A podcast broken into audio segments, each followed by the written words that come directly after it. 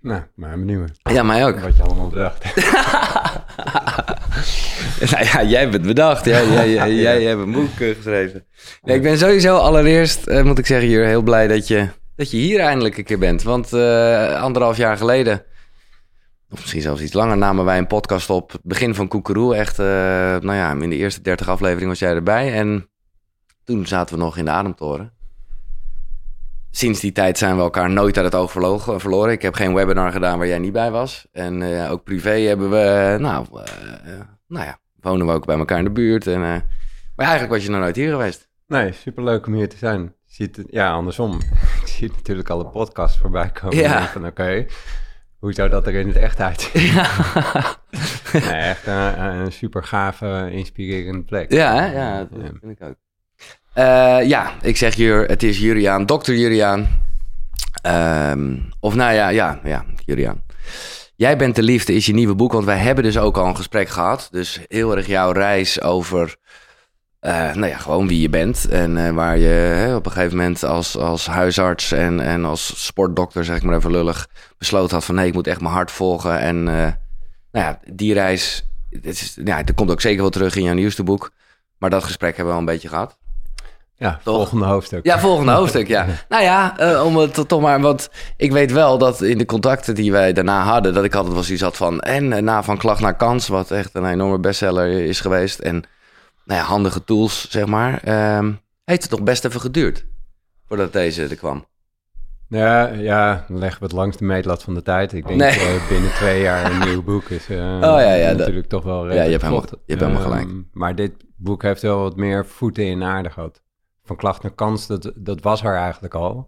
Dat is gewoon weer een methode die je ja, het was gewoon de training die ik iedere keer weer geef. Het enige wat daarvoor hoefde te gebeuren was om het gewoon te vertalen Ja. eh, in een kloppend verhaal. En dit is eigenlijk echt vanuit, eh, vanuit het niks en nog meer vanuit mijn eigen ervaringen echt ontstaan. Ja, en hoe ga je dat dan in een, in een, eh, in een kloppend verhaal gieten? Ja. Dat was nog niet zo eenvoudig. Ook dat is overigens weer vanzelf weer tot stand gekomen. Maar had wat meer tijd nodig. Het heet Jij bent de liefde. Leven vanuit zelfvertrouwen, zelfrespect en zelfwaardering. En het gaat heel erg, en dat is ook wat ik van je ken, maar dat is iets waar ik iedereen die dit checkt nog, ja, er zo zijn er een aantal dingen waarvan ik denk, oh, dat kan je niet vaak genoeg horen. Waarbij een belangrijke wel is dat er altijd een bereidheid moet zijn om pijn te lijden, om het ongemakkelijke aan te gaan. Dat is wel toch een soort hele basis, essentieel iets, als ik me niet vergis, toch? Ja, ehm, heel vaak willen we natuurlijk ongeschonden aan de finish komen. We willen het liefst zo snel, het liefst zo goed mogelijk door het leven heen bewegen, dat we niet beschadigd worden en dat iedereen ons lief, leuk en aardig vindt en dat we het heel erg goed doen. Maar ja, eh, de wereld is natuurlijk een hele mooie plek om te zijn, maar tegelijkertijd is die ook gewoon heel kil, ellendig en bij tijd en wijle verschrikkelijk alleen.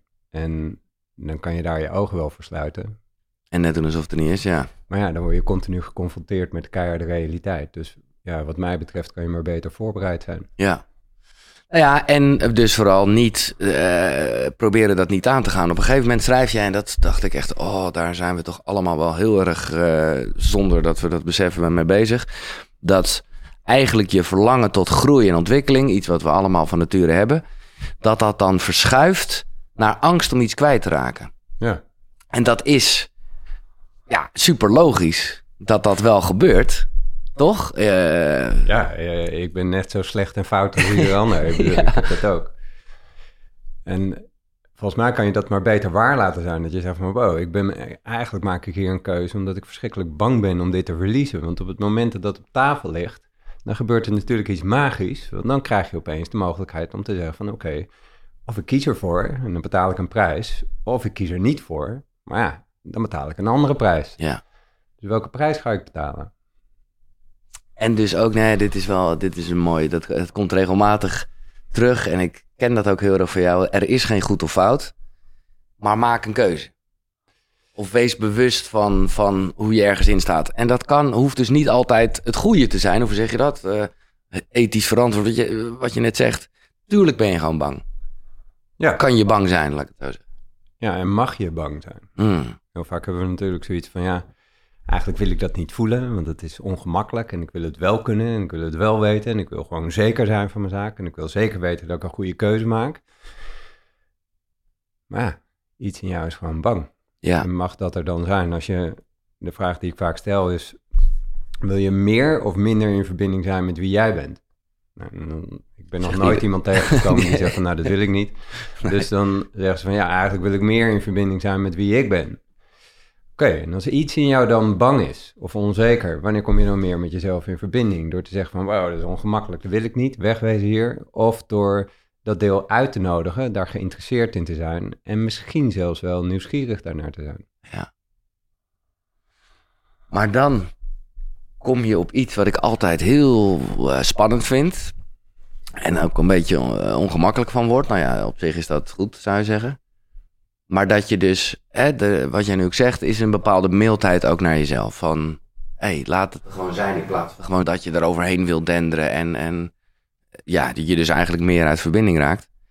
Maar mildheid en wat jij op een gegeven moment, ik denk dat iedereen wel begrijpt wat je ermee bedoelt, de mantel der liefde dat, ik ben altijd zo bang dat ik meer in die, in die mantel der liefde zit. En dat je er gewoon zegt, nee, eh, ja, hoort erbij, is nu eenmaal zo.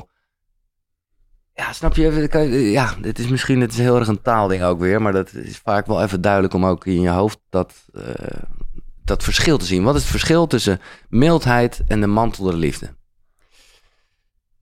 Nou, ehm, daar zit een, natuurlijk een grote dualiteit in. Aan de ene kant wil je het liefst zo... ehm, eh, je wil gezien worden en erkend worden en gewaardeerd worden voor de persoon die je bent.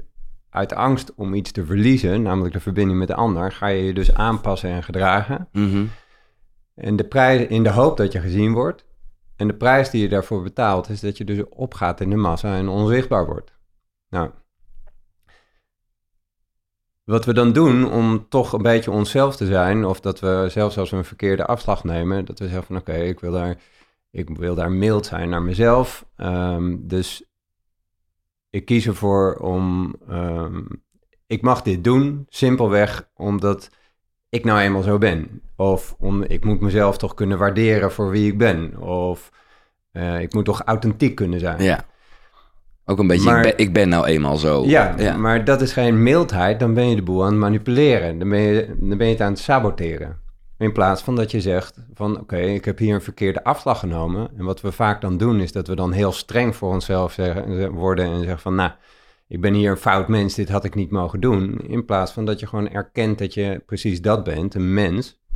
Dus je neemt af en toe een verkeerde afslag. ja. En je maakt fouten in je leven. En dat je die gewoon op tafel legt en gewoon erkent van... wow, ik heb hier een verkeerde afslag genomen. Ik ben super onredelijk tegen je geweest en dat heb je niet verdiend. Maar zonder jezelf daar per se schuldig te moeten voelen... dat dat je een slecht mens zou maken. Dus mildheid is niet het toedekken van al je fouten onder de mantel der liefde... Maar mildheid wil zeggen dat je de waarheid, de realiteit gewoon op tafel legt. Erkent dat je een verkeerde afslag hebt genomen. En dan voelt in jezelf dat, dat je geen slecht mens maakt, maar dat je gewoon een mens bent. Ja, omdat, omdat, nou ja, om jouw voorbeeld nu even door te trekken. Als je heel erg onredelijk geweest bent tegen iemand, dat ook kwam vanuit iets, eh, nou ja, in ieder geval om jezelf te helpen. Ja, en dat die boosheid die in jou zit, waardoor het misschien eh, super onhandig en bot eruit is gekomen. Ja, zou het zo kunnen zijn dat die boosheid in essentie wel heel erg goed is voor jou. En natuurlijk is het dan de kunst om te leren, gaandeweg het leven, om die boosheid wel te voelen. En dan te voelen wat daar eigenlijk gewild wil worden. En dat op een zodanige manier te communiceren dat je nog wel in verbinding kan blijven. In plaats van dat je de muur optrekt, een bom onder de relatie legt en verdwijnt. Mhm, mhm. Maar eh, kijk, jij zegt dit net even en eh, ik vind het mooi hoe het boek echt begint met iets waar, nou ja, van ik zelf dan denk, oh ja, dat vergeet je bijna een beetje. Dat we allemaal geboren zijn en daarmee eigenlijk hebben we al, hè, noem je dat, geboorterecht, bestaansrecht. Ja, bestaansrecht. Ja. Eh, dus eigenlijk, even flauw gezegd, is het, is het al goed? ja, dat is iets wat we ons nooit realiseren. Maar jij zegt het net ook, we zijn altijd toch wel op zoek naar die bevestiging en dus die verbinding van een ander. En dan heb jij het op een gegeven moment over de giftigheid van loyaliteit. ja. En dat, eh, ja, kan je dat uitleggen? We hebben geleerd om loyaal te zijn. Eh, loyaal naar je ouders, loyaal naar je kinderen als die er zijn. ehm, loyaal naar je werkgevers, je werknemers, je collega's, vrienden, et cetera. En door maar zo heel erg graag loyaal te willen blijven aan de ander, ook weer in de hoop om gezien, erkend en gewaardeerd te worden, kan het dus zijn dat we een plek innemen die niet meer oprecht is. Dus we gaan dingen doen en zeggen die we eigenlijk niet willen, omdat we vinden dat we loyaal moeten blijven. Wat er dan gebeurt, is dat we dus in een soort theater terechtkomen. Namelijk dat we niet onszelf daadwerkelijk laten zien, maar dat we een soort spel gaan opvoeren. Mm. Van, nou, ik ga maar zo bewegen, want dan ja, word ik misschien leuk, lief en aardig gevonden. Ook weer uit angst om de relatie met de ander te verliezen. In plaats van dat je ervoor kiest om een oprechte plek in te nemen. Dat je zegt van ja, dit is wie ik ben. Ik doe wat ik verkondig. Ik ga staan voor wat ik vind, voor wat ik denk en voor wat ik voel. Maar ja, het risico wat ik dan loop, is dat ehm, iemand dat niet leuk gaat vinden. Ja. Het is niet de vraag of ik daar gekwetst gaat worden, maar wanneer. En het is niet de vraag of ik beoordeeld ga worden, maar wanneer. En ehm, zo kan loyaliteit dus enorm giftig worden op het moment dat je dan dus eigenlijk niet meer weet van ja, maar met wie heb ik nou eigenlijk te maken? Je wordt eigenlijk doordat je geen betrouwbare plek inneemt, word je onbetrouwbaar en vooral onbetrouwbaar naar jezelf toe. Ja. Wat als je het met mildheid bekijkt wel weer heel logisch is dat je het doet. Hè? In, in, in de, de drang naar verbinding. Maar voor jezelf en daarmee ook voor de, voor de, voor de anderen, eh, ja, verzuur je het. Of, eh, nou ja, Ja, het, het werkt niet. Nee. Want ehm, je gaat daarmee al je relaties belasten met de plicht om jou per se te moeten erkennen en waarderen. ja. En dat is niet de plicht van de ander. In ieder geval niet in mijn ogen. Maar laten we het even helemaal stuk slaan met een makkelijk voorbeeld wat we allemaal kennen. Dat is eh, dat iemand je vraagt om naar een verjaardag te komen. Het is een goede vriend. En dan, ja, uiteindelijk, ik, ik snap dat je altijd gewoon maar moet luisteren naar, naar nou ja, een beetje nou, hart en hoofd, de, combinatie zou ik zeggen. Maar dan kom je, want je eigenlijk wil je niet echt naar die eh, verjaardag. Want ja, het is gewoon ongemakkelijk. En je kent misschien een paar mensen waar je helemaal geen zin hebt om die eh, te ontmoeten. Ehm, dus als je puur naar jezelf zou kijken, dan zou je zeggen, eh, ik ben er niet bij. Aan de andere kant, ja, dat ligt er dus een beetje aan hoe belangrijk diegene vindt dat jij er bent. Want het is wel een vriend. En misschien vind je het wel vervelender dat hij het eh, niet fijn zou vinden als jij er niet bent. Ja, dit is het voorbeeld wat ook in Verklacht en Kant staat. Ja. Maar ehm, ja, wie wil je liever op je feestje hebben? Wil je die persoon op je feestje hebben die er gewoon komt voor jou, omdat hij omdat die dat gewoon wil, omdat Ja. hij jou belangrijk vindt? Ehm, wil je iemand op je feestje hebben die komt omdat hij denkt van ja, nou ja, eh, ik heb eigenlijk geen zin, maar ja, het is een vriend, dus het hoort zo. Ja, een beetje plichtsgetrouw, omdat je dat zo geleerd hebt. Mm. Of wil je dat er iemand op je feestje komt die eh, nou, eigenlijk ook geen zin heeft, maar die denkt van, nou, die Giel, die heeft wel contacten, dat Ja. zou nog wel eens handig kunnen zijn. of dat er iemand zegt van, joh, Giel, volgende week feestje, gaaf, ik kom, absoluut. En eh, een kwartier van tevoren belt hij op en zegt van, joh, eh, het voelde eigenlijk niet goed. Ik heb liever dat we een keer gewoon een afspraak maken en dan eh, kunnen we elkaar gewoon ook face-to-face spreken. En ehm, ja, wie wil je op je feestje hebben? En ik kies er dan liever voor om of diegene die gewoon komt omdat hij wil komen, of diegene die desnoods een kwartier van tevoren afbelt. Omdat ik dan in ieder geval ervan uit kan gaan dat als die er wel is, Ja. dat, ik, dat hij dan ook echt voor mij komt. Ervan uitgaande dat hij ook de vrijheid voelt om het af te zeggen als het voor hem of voor haar niet kloppend eh, is. Jij zegt hou het altijd clean. En dat is een beetje waarom we hierover beginnen met loyaliteit. Daar dat, ja, nou ja, de giftigheid van Ja, de of leg het gewoon op tafel. Dat je zegt van, joh, ik heb gezegd dat ik naar je feestje zou komen. Ik ervaar nu een lastigheid, want ik merk iets in mij dat het eigenlijk ook niet fijn vindt. En ik wil even met je overleggen. Wat, eh, wat zullen we hierin doen? Wat voelt goed voor jou? En dat we een beslissing kunnen nemen die voor beide partijen goed voelt.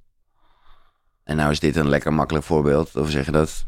eh, hier zal een, een, een relatie hopelijk niet op stuk lopen. Nee, maar, Maar- het is altijd wel goed om het, denk ik, plat te slaan tot hele simpele Ja. voorbeelden. Ja. Omdat het, het zijn vaak onze gedachten en alle gevoelens en emoties die erbij komen kijken, die het verschrikkelijk vertroebelen. En juist door het helemaal terug te brengen naar iets simpels, Ja. wordt het vaak heel helder van oké, dit is misschien niet makkelijk, maar het is wel helder wat me hier te doen staat. Ik eh, lees nog even één ding voor eh, wat gaat over dit eh, gedeelte. Liefde ontvang je niet door er steeds naar op zoek te gaan en zo graag gewaardeerd te willen worden. Liefde zul je ervaren door de kans op afwijzing te aanvaarden en door jouw integriteit boven je loyaliteit te durven stellen. En nou ja, dat is iets wat ik ook weet van jou als mens en wat, wat nou ja, dat integriteit en authenticiteit, ja dat, eh, ja, dat zijn de belangrijkste waarden, denk ik. Nou, voor mij wel. Ja. Een, van, mijn- en, eh, een van mijn grootste inzichten was dat ik eh, me realiseerde dat ik gewoon niet oprecht ben. En tot op de dag van vandaag niet. En daar, ja, nee, maar dit is, dit, dit, dit, ja, maar hoe heb je daar vrede mee, man? Ja, Omdat, omdat, Omdat ik een mens ben. Ik, Ja. ik ben niet perfect. Nee. je. Laat dat gewoon waar zijn. We kunnen wel ja, zeggen van ja, ik ben de goedheid zelf en ik, ik ben de liefde. Ja, dat ben je ook. Maar we hebben ook allemaal in ons een, groot monster. En eh, je kan dat monster maar beter gewoon waar laten zijn en op tafel zetten, zodat, je, zodat het niet onverwachts voorbij komt of je het iedere keer probeert weg te duwen. Nee, maar dat je het ziet staan en dat je van daaruit een keuze krijgt van oké, ga, ik, ga ik met dit monster aan de haal of ga ik hier een andere keuze maken? Ehm, daar heb je echt een keuze. En vaak, om weer terug te komen op wat we net zeiden, vaak willen we dat niet voelen, willen Nee. we dat niet zien. Waarom? Omdat we zo graag leuk, lief en aardig gevonden willen worden. Dus we stoppen het onder tafel, doen net alsof het er niet is. ja. Maar ja, vroeg of laat komt het toch echt snoeihard bij je op de deur kloppen. Maar ik vind het, eh, ja. En ik zeg ook niet, ik bedoel, het is heel duidelijk hoe je het zegt. Natuurlijk heb je wel de intentie om het beste mens of, eh, van de wereld te zijn. Ja, maar je bent het niet. Nee. Dus als ik zeg tegen Simone van eh, je bent de liefste vrouw voor mij en ik, eh, ik hou verschrikkelijk veel van je. En eh, na een dag werken, dat we elkaar niet gezien hebben, komt ze thuis en ik zit nog aan de tafel. Zit ik nog een mailtje te tikken en ze komt binnen en ik kijk niet op of om, want ik vind dat ik eerst dat mailtje af moet maken. Dan heeft zij helemaal niks aan mijn mooie en goed bedoelde woorden. Dus ik heb daar een oprechte positie in te nemen. Ja. Dat ik doe wat ik verkondig. En op het moment dat ik van mezelf weet, oké, ik ben niet een oprecht mens, maar ik wil er wel naar streven om een zoveel mogelijk oprechte plek in te nemen. Du moment dat ik dat dan dus niet naar op of omkijk, reken maar dat er iets in mij gaat knagen. En denk van, wow, maar dit is niet in lijn met wat ik verkondig. En juist door dat waar te laten zijn, ben je in staat om bij te sturen en te zeggen, wow, ik heb hier, ik heb helemaal niet naar je gekeken toen je binnenkwam. Ja. En, eh, maar dat is niet de plek waar ik vandaan wil komen. Want je bent voor mij onwijs belangrijk in Ja. het leven. Dus eh, ik had hier beter even mijn laptop dicht kunnen klappen en je de aandacht kunnen geven. En ik, ik zie in dat ik je hier misschien wel gekwetst heb. Ja. Een supermooi voorbeeld. Maar het eh, gaat waarschijnlijk pas knagen op het moment eh, dat zij dit eh, zeg je dat, het, eh, op tafel brengt. Want Ja. je hebt het natuurlijk zelf in eerste instantie, neem ik aan, niet door. Het is geen... Nee, precies. Dus die ander die haalt uit, of die in de lichaamstaal Ja, ja. zie je opeens, nou ja, we kennen allemaal de dodelijke blikken van onze partner, waarbij je dan ook nog vraagt, is er iets? En de ander zegt, nee hoor, er is niks, maar je weet al lang dat er iets aan de hand is. En wat er dan natuurlijk gebeurt, is dat de liefde voor de ander verschuift naar gelijk krijgen en overtuigen. Mm. Ja, maar zo bedoelde ik het niet. Ja, maar eh, ik moest dat mailtje er echt even uitdoen, want het is toch mijn werk. En jij wilt toch ook dat we een goed lopend bedrijf hebben? Maar daar gaat het niet om. Het feit is dat de ander zich even niet gezien voelde. En je kan, dat, je kan de ander pas zien op het moment dat je jezelf kan verduren in de verkeerde afslag die je zelf hebt genomen. Ja. Dat je zegt van, joh, ik begrijp dat dat pijnlijk voor je is. Hoe is dat voor je? Ja. En, eh, En dus dan dan nog ook niet eens, want dat is inderdaad wel een neiging die ik zelf ook altijd heb, dat je er toch aan wil toevoegen dat je het niet zo bedoeld hebt. Ja, en daar koopt de ander natuurlijk echt helemaal nou, geen reet voor. Nee. Die wil Nee. alleen maar horen van, wow, wat, eh, hoe is dit voor je? En eh, dat moet, Ja. volgens mij, ik kan me voorstellen dat het even heel alleen voelde. Ja. Dus, ga, dus doe geen enkele moeite eh, om te verklaren, omdat je alleen maar het voor jezelf goed zit te praten, in plaats van dat je die andere erkent in het gevoel dat hij of zij heeft. Ja, en dat jij in de ogen van de ander op dat moment een dader bent. Ja. Je bent gewoon de kwetser op dat moment en die plek nemen we allemaal in. Ehm, Ja. Onbedoeld kunnen we de plek van kwetser innemen. Dat maakt je geen slecht mens. Het maakt je juist precies datgene wat je bent. Een mens. Kwetsen en gekwetst worden hoort bij het leven. En dan kan je wel gaan proberen om dat zoveel mogelijk te ontwijken. Maar daarmee, daarmee ehm, wil je de realiteit verbuigen. Je wordt gekwetst. Het is niet de vraag wanneer. Of het is niet de vraag of je gekwetst wordt, maar wanneer. Ja. En nu in die specifieke voorbeeld, ik ben even benieuwd hoe het bij jou thuis gaat. Want ik kan me ook bijna voorstellen dat, ja of niet, maar dat zij bijna gek wordt van jouw relaxte manier van dit, uh, nee, niet zozeer oplossen, maar, nou, ja, maar meer gewoon haar erkennen. Ik zou bijna zeggen, soms wil je ook gewoon even gedoe, of niet? Ja, denk maar niet dat het bij ons... no way. Ja, nogmaals, ik ben net zo slecht ja. als ieder ander. Bij mij klapt het ook af en toe en haal ik ook uit op een super onredelijke manier. Um, maar de weg is altijd naar jezelf daarin niet fout maken. Um, weet je, zolang je niemand een mes tussen besteekt, is er echt niks aan de hand. En ik heb liever, weet je, boosheid en frustratie en de onrust die we in ons kunnen voelen. Dat wil in principe zeggen van, oké, ik wil iets en het krijgt niet de kans om gezien of uh, tot expressie te komen. En boosheid is dus niet gericht zozeer tegen de ander, maar het is er voor jou. Dat je, dat je jouw willen ja. tot expressie kan brengen. Ja, zo, ja. En op het moment dat we onze boosheid niet uiten, ja, dan slaat het naar binnen toe. En dat maakt je absoluut ziek. Dus ik heb liever dat je heel erg bot en onhandig een keer uit de hoek komt. Uh, en daar echt uh, ver, ver uit de bocht gaat. En dat je vervolgens daarna weer bijstuurt. Dat is veel waardevoller dan iedere keer het maar onder tafel proberen te drukken om opnieuw um, ja, maar een zo goed mogelijk mens te willen zijn. Want dat ben je gewoon niet. Je bent niet perfect. Nee. En dat is precies hoe het hoort te zijn. Want het stelt je in staat om te kunnen leren, groeien en ontwikkelen. Ja. En dat ook weer niet. Hè, nogmaals, dat, dat moet ik de hele tijd tegen mezelf zeggen. Daar ook niet mee akkoord gaan en denken: Yo, ik ben geen goed mens. Dus. Uh... Nee, dan saboteer je de boel. Ja, dus dat is een heel dun lijntje van oké, waar draagt dit nog bij aan de relatie tussen mij en mezelf? En waar uh, ben ik de boel aan het manipuleren, zodat ik de echte realiteit niet aan hoef te kijken?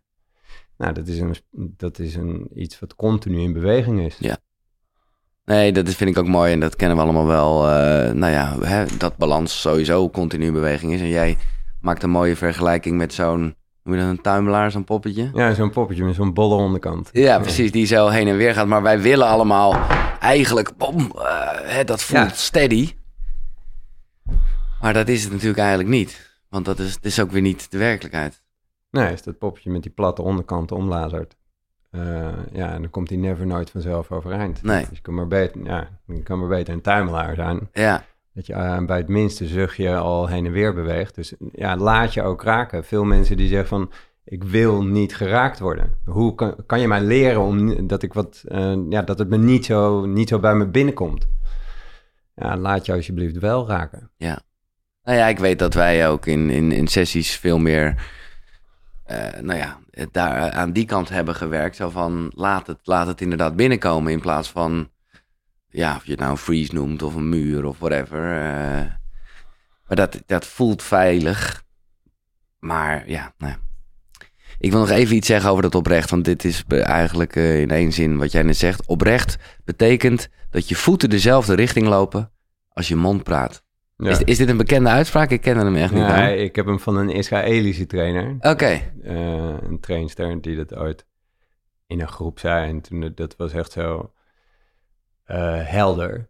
Um, weet je, als, als ik nu tegen jou zeg van... joh, Giel, ik wil graag met je in verbinding zijn. En, uh, en ondertussen doe ik iedere keer een stap achteruit. En ik zeg tegen iedereen, zien jullie dan niet hoe hard ik dit probeer? Zien jullie dan niet hoe hard ik probeer om met Giel in verbinding te zijn?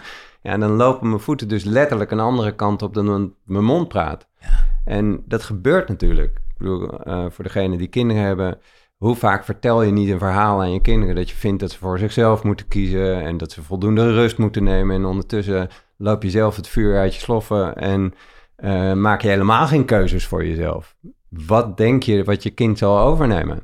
Die nemen natuurlijk over wat ze zien en niet wat je iedere dag weer met de beste intentie, mm. dat is het droevige in het verhaal, ja. met de beste intentie iedere dag weer loopt te verkondigen. Maar ja, een oprechte plek is dus spannend. Want als jij echt gaat doen wat goed en klopt is voor jou, ja, er zullen altijd mensen zijn die uh, het niet met je eens zijn. Nee. Dus je gaat nooit de hele wereld tevreden stellen. Dat is de zekerheid. Hè, zoals we ook allemaal weten dat we onzeker... Hè, dat, die heb ik wel eh, tot in mijn vezels, wat me heel ja, rust geeft. Een soort zekerheid dat ik onzeker ben. Maar dat zeg jij eigenlijk ook over een, ja, over, eh, over een goed mens zijn.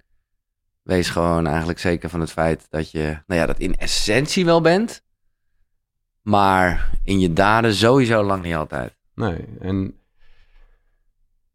je, soms, soms kan het lastig zijn om te voelen wat voor jou het goede is.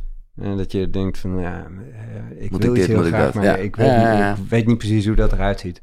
Maar je weet het en voelt het wanneer er iets niet klopt. Je voelt het aan je lijf. Je weet het ook wanneer je een verkeerde afslag neemt doordat je een leugentje vertelt, ook al is het om best wil. En juist het laatste, een leugentje om best wil, daarmee dekken we het dus toe. Nemen we geen oprechte plek in, worden we onbetrouwbaar en saboteren we de relatie. Ja. Maar zeg jij eigenlijk dat je, als je echt goed naar binnen kijkt, niet kan liegen tegen jezelf? Je kan wel liegen tegen jezelf, maar je kan niet de realiteit ontwijken. Want op het moment dat jij gaat liegen, dan, dan is dat een arrogante plek die we allemaal in kunnen nemen. Mhm. Waarbij we zeggen van nou, ik kan de realiteit wel in mijn voordeel verbuigen. Ja, op korte termijn misschien, maar vroeg of laat tikt de realiteit toch echt wel ergens bij je op de deur. En als je mazzel hebt, dan grijpt hij je dan in je nekvel. Maar heel veel vaker word je gewoon genadeloos tegen het asfalt geslagen. Ja. En ook dan is er niks aan de hand, want dan, uh, ja, je lijf is er voor jou. Dus als je dan in staat bent om te zeggen van, goh, wat zou mijn lijf me nu willen vertellen? Wat zou ik mogen veranderen in mijn leven? Dan krijg je opnieuw de kans om bij te sturen. Ja. Maar we kennen dat allemaal, uh, dat, je, nou ja, dat je vooral zeker weet dat het niet goed voelt. Maar dat je nog niet helemaal weet of je nou uh, links of rechts moet. En daar kan ook wel best wel een verschil in zitten tussen hart en hoofd. Wat ik leuk vind is dat jij ik heb hier wel mensen aan tafel gehad die heel erg. Eh, en ik denk dat het goed is eh, om daar extra nadruk op te geven. Dat je heel, heel erg naar je hart moet luisteren. Maar jij bent ook wel gewoon iemand die zegt: ja, maar het hoofd moet er ook zijn. Als je altijd zegt van ja, ik moet naar mijn hart luisteren, of naar mijn onderbuik of naar mijn gevoel, uh, dan wijs je continu je hoofd af. Maar je hoofd heeft ook iets goeds voor jou. Ja, ons denken is super waardevol. Ehm, maar het is precies dat. Het is waardevol. Het wil niet zeggen dat het de waarheid is. Maar hetzelfde geldt voor je gevoelens. Als je weet dat meer dan 90% van, of eigenlijk alles wat jij denkt, heeft invloed op hoe jij je voelt. Ja. Dus als meer dan 90% van jouw gedachten niet waar zijn, hoe betrouwbaar zijn dan je gevoelens? En het is dus wel waardevol om je gevoelens waar te laten zijn, dus daar aandacht aan te geven, maar ze niet klakkeloos als de waarheid te gaan zien. En als je dus aan de andere kant zijn er ook mensen, ja, je moet, uh, je moet het goed overwegen en je moet het goed analyseren, zodat je tot een wel overwogen beslissing kunt komen. Ja, dan wijs je iedere keer weer je gevoel af. Ja. Dus hoe zou het zijn als je zowel je gevoel als je hoofd, je gedachten zo uh, figuurlijk uh, op tafel legt en daar, uh, daar van een afstandje naar gaat kijken, zodat je tot een gedeelde beslissing kan komen. Ja, waarbij je dus ook het alle twee uh, gezond in twijfel kan trekken. Zo van, is dit... Uh, dat lijkt me wel, ja. Ja, ja, ja. ja. Lijkt mij heel waardevol om af en toe je gevoelens en ook je gedachten even... Maar, hoe waar is dit eigenlijk? Ja. Maar ja, hoe doe je dat? Nou, precies met deze vraag. Ja. Oké, wat ik nu voel. Oké, wat wil me dat eigenlijk vertellen? Oké, hoe waar is dat?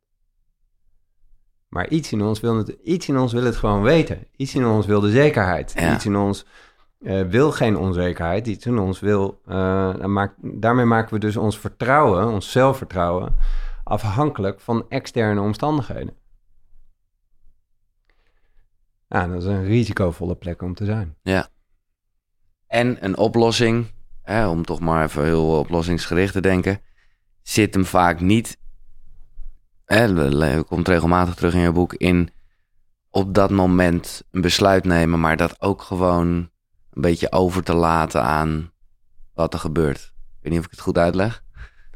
Nou, te durven vertrouwen op die onzekerheid. Ja. En ook dit is weer niet statisch natuurlijk, want, want waar draagt achteroverhangen in je hangmat liggen en uh, nou, ik zie wel wat er op me afkomt, waar draagt dat nog bij aan de relatie tussen jou en jezelf? En waar wordt het een escape om niet gewoon de noodzakelijke beslissingen te nemen? En soms is het toch echt wel gewoon noodzakelijk om je schouders eronder te zeggen, zetten, een keuze te maken en in actie te komen. Ja. Met het risico dat je een foute, tussen aanhalingstekens, foute beslissing neemt. Ja, of in ieder geval eentje waar je later op terug... Uh, ja, die anders uitpakt dan dat je gedacht, gehoopt of gewenst had. Nou, ga je jezelf dan fout maken? Of ga je zeggen van, hé, hey, stel nou dat dit er is voor mij. Wat zou ik hieruit kunnen leren, zodat ik kan groeien en ontwikkelen? Maar ook weer, hè, en uiteindelijk snap ik dat je in essentie het verschil misschien stiekem wel heel erg weet. Maar het is altijd goed om daar woorden aan te geven. Uh, wanneer, ja, kan, kan, je ons een beetje meenemen in, in, in hoe je voor jezelf goed kan uh, ja, duiden, zeg maar, of het gewoon wachten is of dat het besluiteloos is, zeg maar. Nou, draagt deze actie of gedachte nog bij aan de relatie tussen mij en mezelf? Ja. Of een andere vraag, als ik oprecht vriendelijk voor mezelf zou zijn, waar zou ik dan voor kiezen? Of als ik ervan uitga dat ik een vrij en willend wezen ben. Ja, dus eh, we zijn misschien gebonden in onze kop, maar er zit nergens een ketting om onze nek of een touw aan onze benen. Dus je bent een vrij wezen en je mag iets willen wil niet zeggen dat je het ook allemaal gaat krijgen, maar je mag iets willen. Dus als ik er nou vanuit ga dat ik een vrij en willend wezen ben, wat zou ik dan eigenlijk doen? Of nog belangrijker, wat zou ik eigenlijk laten? Waar zou ik mee stoppen? Nou, en dan komt er ofwel een antwoord, of een antwoord waarvan je niet precies weet wat je ermee moet. Dan heb je de vraag nog wat vaker voor jezelf te herhalen. Maar het antwoord gaat vroeg of laat komen. Ja. En het mag het ook mislukken. Weet je, er, um, er staat, wat mij betreft, staat er, ik ben er nog niet geweest, maar uh, wat mij betreft staat er echt niemand aan het eind van de rit uh, voor de hemelpoort, als die al bestaat, met een lijstje. die daar met een lijstje staat en die staat af te vinken of jij wel aan al je verplichtingen hebt voldaan. Come on, de enige die jou deze verplichtingen oplegt, dat ben jij zelf. Ja. En je zegt net even iets, en dat is ook wel een goeie, dat het hem misschien wel vaker zit in met dingen stoppen dan heel erg uh, nieuwe dingen of ja, extra dingen te doen. Ja. Um, we zijn natuurlijk geneigd om altijd van alles toe te voegen. Ook weer uit, dan komen we weer terug aan het begin, uit angst om iets te verliezen. Ja. Dus we hebben al een volle baan, we hebben de zorg voor eventuele kinderen, al onze verantwoordelijkheden en verplichtingen. En oh ja, shit, ik wil ook wat meer tijd voor mezelf nemen. Dus uh, ja, hoe ga ik dat doen? Nou, dan wil ik graag meer mediteren of lezen. En wat doen we? We staan in principe al om zes uur op, maar nee, weet je wat, dan gaan we om vijf uur opstaan. Dus uh, daarmee wordt het gewoon opnieuw iets wat boven je al eindeloos lange to-do-lijst komt. Dus ik ben er echt de voorstander van om eerst te gaan kijken van... goh, wat ga ik eigenlijk schrappen? Wat ga ik weghalen? Wat ben ik bereid om te verliezen? En dat de ruimte die dan beschikbaar komt... Ja, dat je die niet meteen in gaat vullen met weer allerlei nieuwe dingen... maar eerst eens gaat voelen van... hé, hey, hoe zou ik die ruimte nou in kunnen vullen op een manier... die daadwerkelijk bijdraagt aan de relatie tussen mij en mezelf? En dus ook vooral in die volgorde. Niet zozeer stapelen, maar eerst nou ja, het, het stapeltje wat kleiner maken om er... Uh, ja. ja. Ga eerst maar eens kijken welke offers je wil brengen. En als we dat dus heel lang niet gedaan hebben... als we heel lang alleen maar um, ons aangepast en gedragen hebben... en um, ja, eigenlijk geen integere en oprechte positie hebben ingenomen... dan wordt de lijst te brengen offers gevaarlijk lang. Ja. Nee, dat klopt. En ik, ik uh, moet denken aan een voorbeeld wat je beschrijft in een boek over een gast die nou, een beetje tegen een burn-out uh, aan zit. En uh, echt wel weet, ik moet voor mezelf kiezen en ik moet meer vrije tijd nemen. maar ja, zijn eerste vrije dag is, ik wel, een paar weken verder. En, en in gesprek met jou komt hij erachter dat hij dat eigenlijk veel eerder kan doen. Ja. En dan, hè, dus als het weer gaat over integriteit en zo, dan is dat vooral dus naar jezelf toe. En, en dat is het stomme. Mensen zullen het allemaal wel begrijpen. Die zullen het zelfs in die end misschien zelfs wel aantrekkelijk vinden dat iemand voor zichzelf kiest. Ja, heel vaak is natuurlijk hetgeen waar we bang voor zijn, uh, gebeurt helemaal niet. Nee. En de, het voorbeeld wat je nu aangeeft, zijn zoveel mensen die uiteindelijk met hangen en wurgen dan toch maar zichzelf uh, inderdaad de moed en de lef geven om dan toch met hun leidinggevende of hun werkgever te praten. En dan opeens, dan kan het gewoon allemaal. Ja. Ja. Maar ja, ook daarin, het risico wat je loopt, is dat die werkgever zegt van, nou, we zit je nou toch te zeuren en uh, hoppen tegen waar je werk doen. En dat je je dan dus gekwetst voelt en niet gezien voelt in jouw verlangen. En uit die angst voor kwetsing gaan we dus continu uh, ja, over onze eigen grenzen Ja, je zou kunnen zeggen dat uh, uit angst voor kwetsing van anderen uh, kwets je jezelf maar door ja. niet te luisteren. Damn. Ja. Ja, ja dat is een wat gekke vraag misschien, maar dat is meer omdat, nou ja, door gesprek hierover ik veel meer dat, dat inzicht krijg. dan, maar dat ik ook bijna denk van, is dit heel erg aan het veranderen, denk je, in, in ja, de maatschappij of juist niet? En, en hoezo, hoezo, hoezo zijn we zo? Ja, misschien waardevolle vragen, maar uh, ik, ik zou zeggen nou en. Ja. Weet je, uh, het antwoord op die vraag boeit niet. Het gaat erom hoe jij in de wedstrijd zit en hoe jij het spel wil spelen. Nice. Um, rust. Er is een tijd geweest dat, dat rust mij heel veel onrust gaf. Alleen al het idee. Dus, hè, dus dan ben je heel erg, nou ja, wat je ook ergens schrijft. Zodra je iets nodig hebt om goed te voelen. Nou, dan weet je uh, dat je niet goed bezig bent. En dat kan hem dus best wel in goede dingen zitten. Hè? Uh, denk aan sporten of uh, whatever. Nou, ik denk wel dat je goed bezig bent. Alleen het is uh, nou, uh, sporten draagt bij aan de relatie tussen jou en jezelf. Maar op het moment dat je het inderdaad nodig gaat hebben om je per se goed te voelen. Met andere woorden, als je niet meer in staat bent om te sporten, dan stort je hele wereld in. Of dan word je zaggerijnig en een heel naar en vervelend mens. Ja, dan heeft het sporten dus leiding gekregen over jou. In plaats van dat jij nog leiding hebt over het wel of niet sporten. En hetzelfde geldt voor werk, dat geldt voor de plek waar we wonen, dat geldt voor onze relaties, et cetera. Dus wie heeft leiding over wie? Ja. Maar het is toch, bedoel, ja, je hebt toch altijd wel dingen nodig om je goed te voelen. Het, het kan onwijs bijdragen. Ja. Dus een fijne relatie, um, sporten, uh, voeding, meditatie, een, uh, een, een, gave baan, een mooi huis, uh, een toffe auto. Dat kan allemaal onwijs bijdragen aan je kwaliteit van leven. Totdat je nodig gaat hebben om je goed te voelen. Dus dat je niet bereid bent meer om het te verliezen. Dus jouw kwaliteit van leven hangt niet af van de bezittingen die je hebt. Jouw kwaliteit van leven hangt af van al die dingen die je bang bent om te verliezen. Ja. Als je bereid bent, ik voor mezelf check af en toe bij mezelf in om te kijken of ik bereid zou zijn om de stekker uit mijn relatie of uit mijn werk te trekken. Als dat de prijs zou zijn die ik zou moeten betalen om trouw te kunnen blijven aan mezelf. En natuurlijk uh, knijpt er meteen iets om mijn nek op het moment dat ik denk van... oh, ik trek de, rela de stekker uit mijn mm. relatie. Maar zou ik daar per se in blijven willen zitten als dat betekent dat ik dan continu over mijn eigen grenzen moet gaan? Of wil ik mijn relatie leven in vrijheid en dat Simone en ik onze liefde aan elkaar kunnen geven in vrijheid?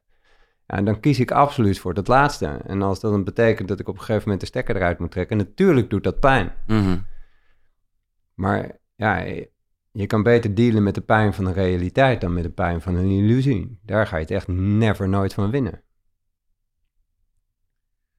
En dit vind ik echt mooi, want uh, dat is ook een beetje het proces waarin ik zit, waarbij structuur mij heel erg uh, geholpen heeft en nog altijd helpt. Dus niet dat ik daar uh, dat ik totaal geen structuur meer heb, maar ik zeg heel eerlijk, dat ja, komt toevallig een beetje te sprake in de afgelopen afleveringen voor mij was het heel fijn om die ochtendroutine echt zo bam, bam, bam.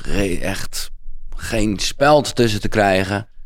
Hou vast, maar ergens voel ik nu uh, ja, dat dat natuurlijk helemaal niet zo balans is. Want dat is. Uh, en dat heeft me veel gebracht om uiteindelijk daar een soort rust in te krijgen. En te denken van nou, hè, speel er een beetje mee. Ik zelf heb nog altijd zoiets van dat koud douchen dat maakt, ja, dat, ik weet niet waarom, maar dat vind ik gewoon een hele belangrijke, omdat ik daar anders elke dag het argument ga verzinnen waarom ik dat niet zou moeten doen, omdat het gewoon niet relaxed is. En ik wil je, ja, dat vind ik gewoon lekker om s ochtends dat oncomfortabele sowieso op te hebben gezocht. Maar, nou ja, jij strijft er ook zeker wel, maar hoe kijk je aan tegen, nou ja, structuur?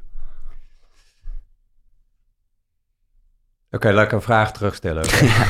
je voelde me eigenlijk ook. Ehm, is structuur een belangrijke waarde in je leven?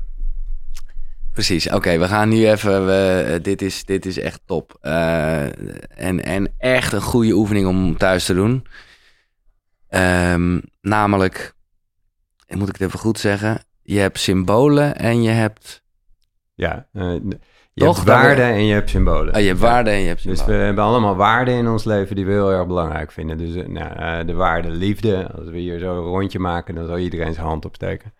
Uh, de waarde verbinding ook. Ja. Um, de waarde vrijheid waarschijnlijk ook. Maar je hebt ook waarden als bijvoorbeeld avontuur. Nou, dat geldt voor de een wel, voor de ander wat minder. Uh, of waarden als creativiteit. Nou, hetzelfde.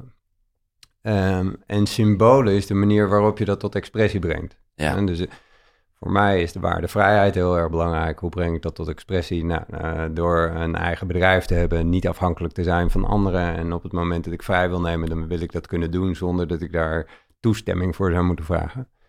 Maar een ander die zegt van ja, dat is geen vrijheid. Uh, de waarde vrijheid voor mij, dat is gewoon een baan van 9 tot 5. En om 5 uur kan ik de deur dicht trekken en dan is de wereld van mij. Dat is vrijheid. Ja, dus de manier waarop we onze waarden invulling geven in ons leven, die kan heel erg verschillen. Nou, waarom is het nou belangrijk? Op het moment dat jij een waarde heel erg belangrijk vindt, hoe snel denk je dat je daar afstand van zou nemen? Never nooit niet. Nee, never nooit niet. Want het is een belangrijke waarde in jouw leven. Dus als jij onbewust denkt van oké, structuur is een belangrijke waarde in mijn leven, dan zal je daar hoe dan ook aan vast willen houden omdat je die waarde niet wil verliezen. Nou, hoe breng je structuur in je leven? Nou, uh, bijvoorbeeld, ochtends mediteren, yoga, koude douche, lezen, schrijven en dan pas werken. Of uh, wat iemand ook fijn vindt. Dat betekent dat op het moment dat daar geknabbeld gaat worden aan die structuur, ja, dan voelt het alsof jouw waarde weg afgenomen wordt. Dus uh, je moet opeens gaan werken, s ochtends vroeg, waardoor je je, je ochtendritueel, jouw structuur mm. niet kan aanhouden. En dan voelt het alsof je iets ontnomen wordt. Maar de vraag is nu, die structuur, wat levert het jou op? Nee, nou ja, dat is een goeie. Uh, dat is precies waarom daar ook nu verandering in zit. Omdat die structuur natuurlijk veel meer een symbool is van iets dat... Nou ja, ik zou dan toch eventjes snel misschien onder het kopje vrijheid gooien, maar veel meer... Uh, Als jij iedere dag je structuur kan volgen, wat, levert het, wat, wat brengt het jou? Rust. Rust. Ja. En rust is een waarde. Ja. Dus de manier hoe jij rust in je leven wil brengen is onder andere door middel van structuur. Maar er zijn nog meer manieren waarop je rust in je leven kan krijgen. Zoals, waar word jij rustig van?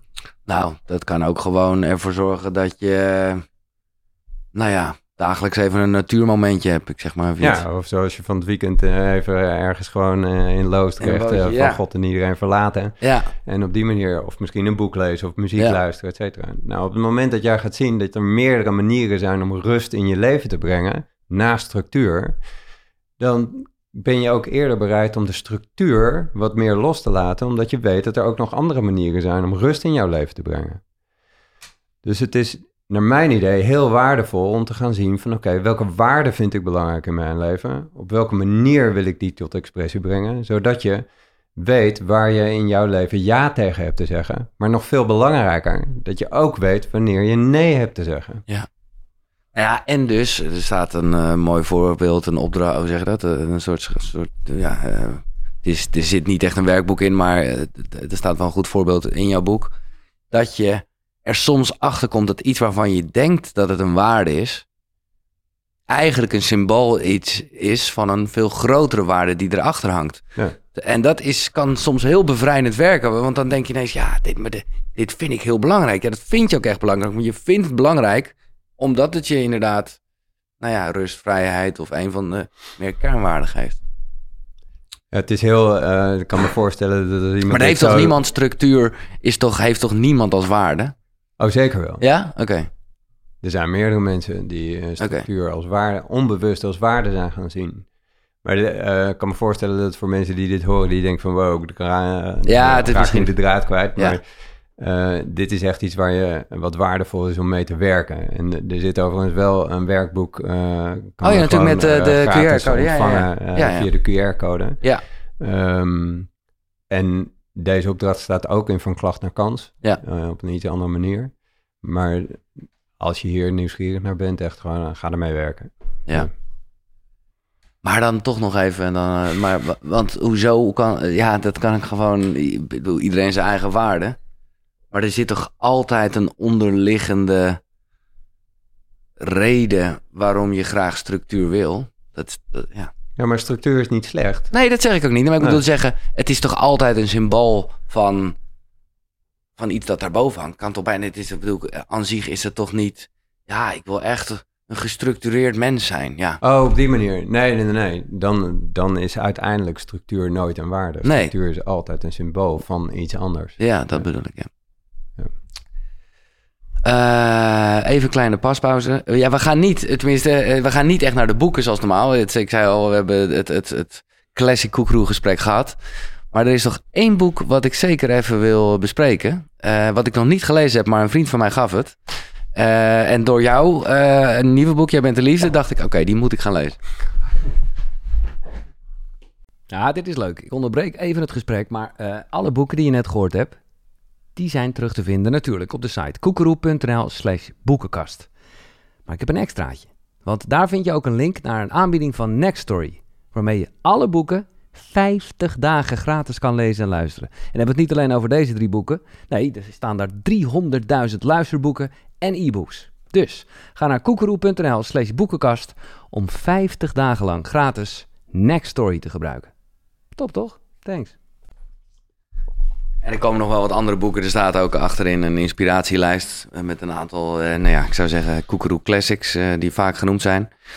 Maar dit boek kreeg ik van een goede vriend en, en ja, die zei, dit moet je echt lezen. Ik vond het gewoon iets te zakelijk, iets wat ik, waar niks mis mee is. Maar ik dacht gewoon van, nou oké, okay, dat komt wel. Uh, Profit First, een simpel systeem om je bedrijf te transformeren van een cash-eating monster in een money-making machine.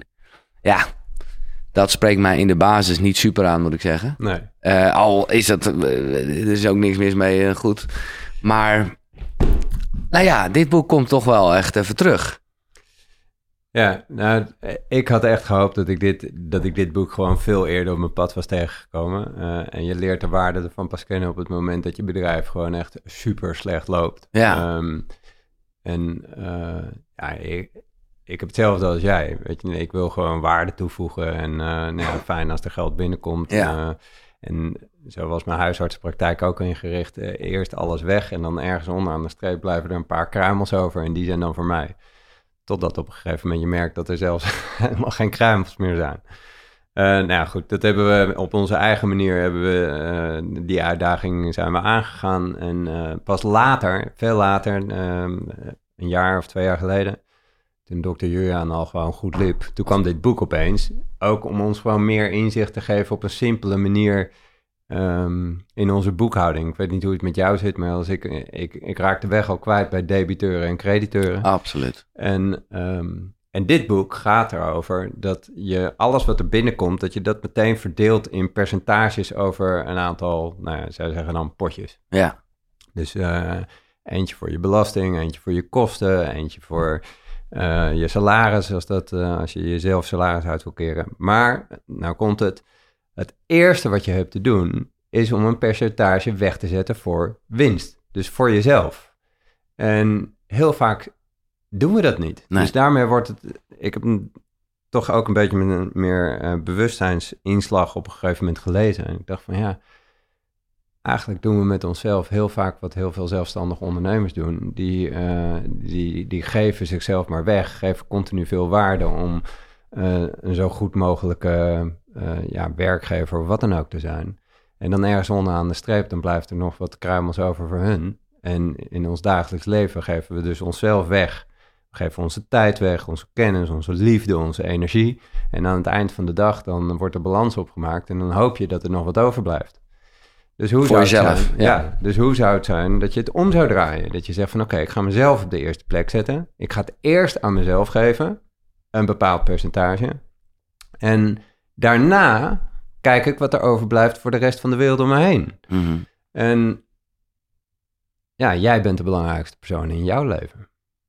Dus ja, ben je het ook waard om eerst jezelf winst uit te keren? Ja, of, of je kan dit ook doortrekken naar echt tijdsbesteding, om het zo maar te zeggen. Ja, dus dit gaat helemaal niet alleen maar over Nee, geld. Dit nee. gaat echt over, ja, geef eerst de liefde aan jezelf. Pas als je iets hebt, kan je het weggeven. Eh, cliché, maar wel waar. Ja, Ehm, en ga je eerst 's ochtends, eh, nou, het hebben van een ochtendritueel past daarbij. Dat je zegt, eerst ik en daarna komt de rest van de dag.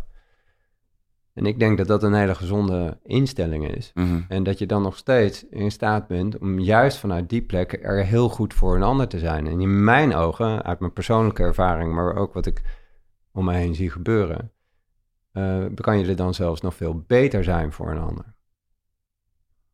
Dus eerst je winst. Ja. Profit first. ja. En nogmaals, dit dan, daarom vond ik het zo leuk en dacht ik, oké, dan eh, hoef ik het niet alleen maar uit zakelijk oogpunt te lezen, wat ook overigens ik wel zou moeten doen, maar dan kan ik hem wat breder trekken naar, naar het leven eigenlijk dus. Nou, het grappige, toen ik daarmee aan de slag ging voor ons eigen bedrijf, werd het eigenlijk, eh, begon ik het opeens leuk te vinden om eh, daarmee bezig te zijn met die getalletjes. En het gaf me opeens heel veel inzicht in wat er in ons bedrijf gebeurt. En ik heb nooit meer slapeloze nachten over of ik een rekening wel of niet zou moeten betalen. Want eh, we, we kunnen het gewoon altijd betalen. Ja. Waarom? Omdat er gewoon altijd een vaste, vaste hoeveelheid naar de verschillende dingen toe gaat, die altijd voldoende is. Ja. Maar in ieder geval, hoe klein ook, dus als we in de metafoor blijven, ook al komt er 1 euro binnen, dan gaat er eerst 5% naar mezelf toe. Van de, ja, dat is dan 5 cent, maar het is wel 5 cent. Ja. Het is in ieder geval minder dan niks, of meer dan niks. Profit first. Ja, eerst die, de, de, de kruimel voor jezelf reserveren. Maar als je het dan hebt over, eh, nou ja, als we het meer wat, wat, wat breder maken, ook naar tijdsindelingen, zo waar we het net over hadden, gewoon echt over jezelf. Dan zijn er natuurlijk ook, en dat ken jij ongetwijfeld ook, omdat je gewoon heel erg vanuit die zorgwereld komt. Ja, dat mensen dan eigenlijk vinden dat ze voor zichzelf kiezen, omdat ze zo graag andere mensen willen helpen. Snap je wat ik bedoel? Nee, Nee. Nee, dat is logisch, want ik leg het ook een beetje verrot uit. Maar tenminste niet als een probleem. Nee, nou ja, nou ja, omdat, omdat ik denk veel, nou ja ik, ja, ik denk dat dat soms best wel een probleem kan worden, omdat je dan dus uiteindelijk niet echt voor jezelf kiest, maar je vindt het zelf fijn om andere mensen te helpen. Eh, dus in je hoofd maak je het zo als, nou ja, je dan echt doet wat je wil, want ja, je gaat misschien zelfs wel vrijwillig dat werk doen. Het is, en het is allemaal wel mooi. Dus ik bedoel, geen, geen eh, oordeel erover. Juist fijn dat er mensen zijn die willen zorgen ook voor anderen. Maar dat moet ook weer niet je bestaansrecht worden, zeg maar. Ja, dus als ik je goed begrijp, is het zo dat je dan zegt van oké, mensen die zorgen heel erg voor anderen, waarmee ze het verhaal vertellen, als ik voor een ander zorg, dan krijg ik daar heel veel energie van en word ik daar heel erg blij van. Ja. Ja. En ik ken dit ook zelf wel een beetje, daarom breng ik het ook eh, op tafel. Ja. Nou, ik denk dat we dat allemaal wel kennen. Maar wat we dan doen, is dat we eigenlijk, eh, we gebruiken dan de ander om onszelf beter te voelen. Dus we gaan de relatie tussen jouzelf en de ander belasten met de plicht om ons een goed gevoel te geven. En dan ga je dat dus nodig hebben om er zelf, eh, om de- ja, om er zelf een goed gevoel bij te hebben. Mhm. En dan word je dus afhankelijk van die relatie. Ja. Met als risico dat je dus dingen gaat doen die eigenlijk, die eigenlijk niet kloppend zijn voor je. Ondertussen vertel je het verhaal, ja, maar ik krijg er heel veel energie van. Maar hoe waar is dat? Is het daadwerkelijk zo dat je aan het eind van de rit daar heel veel energie van krijgt? Nou, meestal niet. Meestal trekt het je leeg. En zo niet. Als het inderdaad is dat het helemaal is zoals jij het graag zou willen, ja, dan is er geen probleem. Nee, zo is het ook. Maar als je daar ergens een probleem ervaart, en dan is het wel waardevol om te kijken van oké, wil ik dit echt? Levert dit me echt de winst op die ik ervan denk eh, te krijgen? Mhm. Nou, laat ik me even doortrekken naar de liefde. Ehm, wij hebben, ik heb eigenlijk voor eh, dat ik met jou dat gesprek anderhalf jaar geleden inging, een heel mooi weekend gehad met een retreat die je toen organiseerde met eh, paarden. Eh, een prachtige tool om, nou ja, eerlijk naar jezelf te zijn, uiteindelijk, toch? Maar wij hebben er natuurlijk ook wel, jij was daar, had er natuurlijk ook een belangrijke rol in hebben daar, eh, nou, ik, eh, ik zal nooit het gesprek in die tuin eh, daarbuiten vergeten, wat heel erg ging over verbinding, liefde. nou ja, ja. het was een intens gesprek. Eh, inmiddels, ja, door nou ja, gewoon meer jezelf te durven zijn. Wat we eerder al benoemden, ook toe te laten dat dat ongemak er is en die onzekerheid. En eh, nou ja, heb ik de liefde van mijn leven gevonden. Dat is eigenlijk eh, kort door de bocht eh, de happy ending van dit. Of nou ja, geen ending, maar... maar het kan mij wel echt... En ik denk dat dat oprecht is. Ik kan er echt heel gelukkig van worden om haar blij te maken. Ja, en hoe mooi is dat? Ja, dat is fantastisch. En wil je daar per se iets voor terug? Absoluut niet. Dan is het vrij. Ja. Nee, dat is... Nou ja, laat ik... Wat dus de kunst is om daar nog steeds de liefde te voelen, de liefde te willen geven. Ook op die momenten dat zij even niet in staat is om het aan jou te geven. Nee. En eh, dan is het vrij, dan is het helemaal vrij. Ja. Nou, ik heb, die was eigenlijk niet voor deze podcast, maar meer voor mij eh, persoonlijk. Maar dat is prima. Want jij schrijft erover dat, dat, ja, ik heb hem misschien niet zo goed uitgelegd hoe eh, het boek werkt. Dat is misschien, nou, daarmee moeten beginnen. Nou, sorry daarvoor. Maar het is een boek ehm, in, in drie delen. Eh, even kijken hoe, eh, of nee, ja, nou, dit zijn, nee, er zijn vijf delen trouwens. Maar en, en twaalf stappen, ja, je moet gewoon lezen. Dat kunnen we niet in audio. Nee. Maar dat we, daar wilde ik naartoe. Er staan ook stukjes tekst, ja, gedicht eigenlijk. Heb je ze allemaal zelf geschreven? Ja. Fantastisch. En dat kwam gewoon tot je.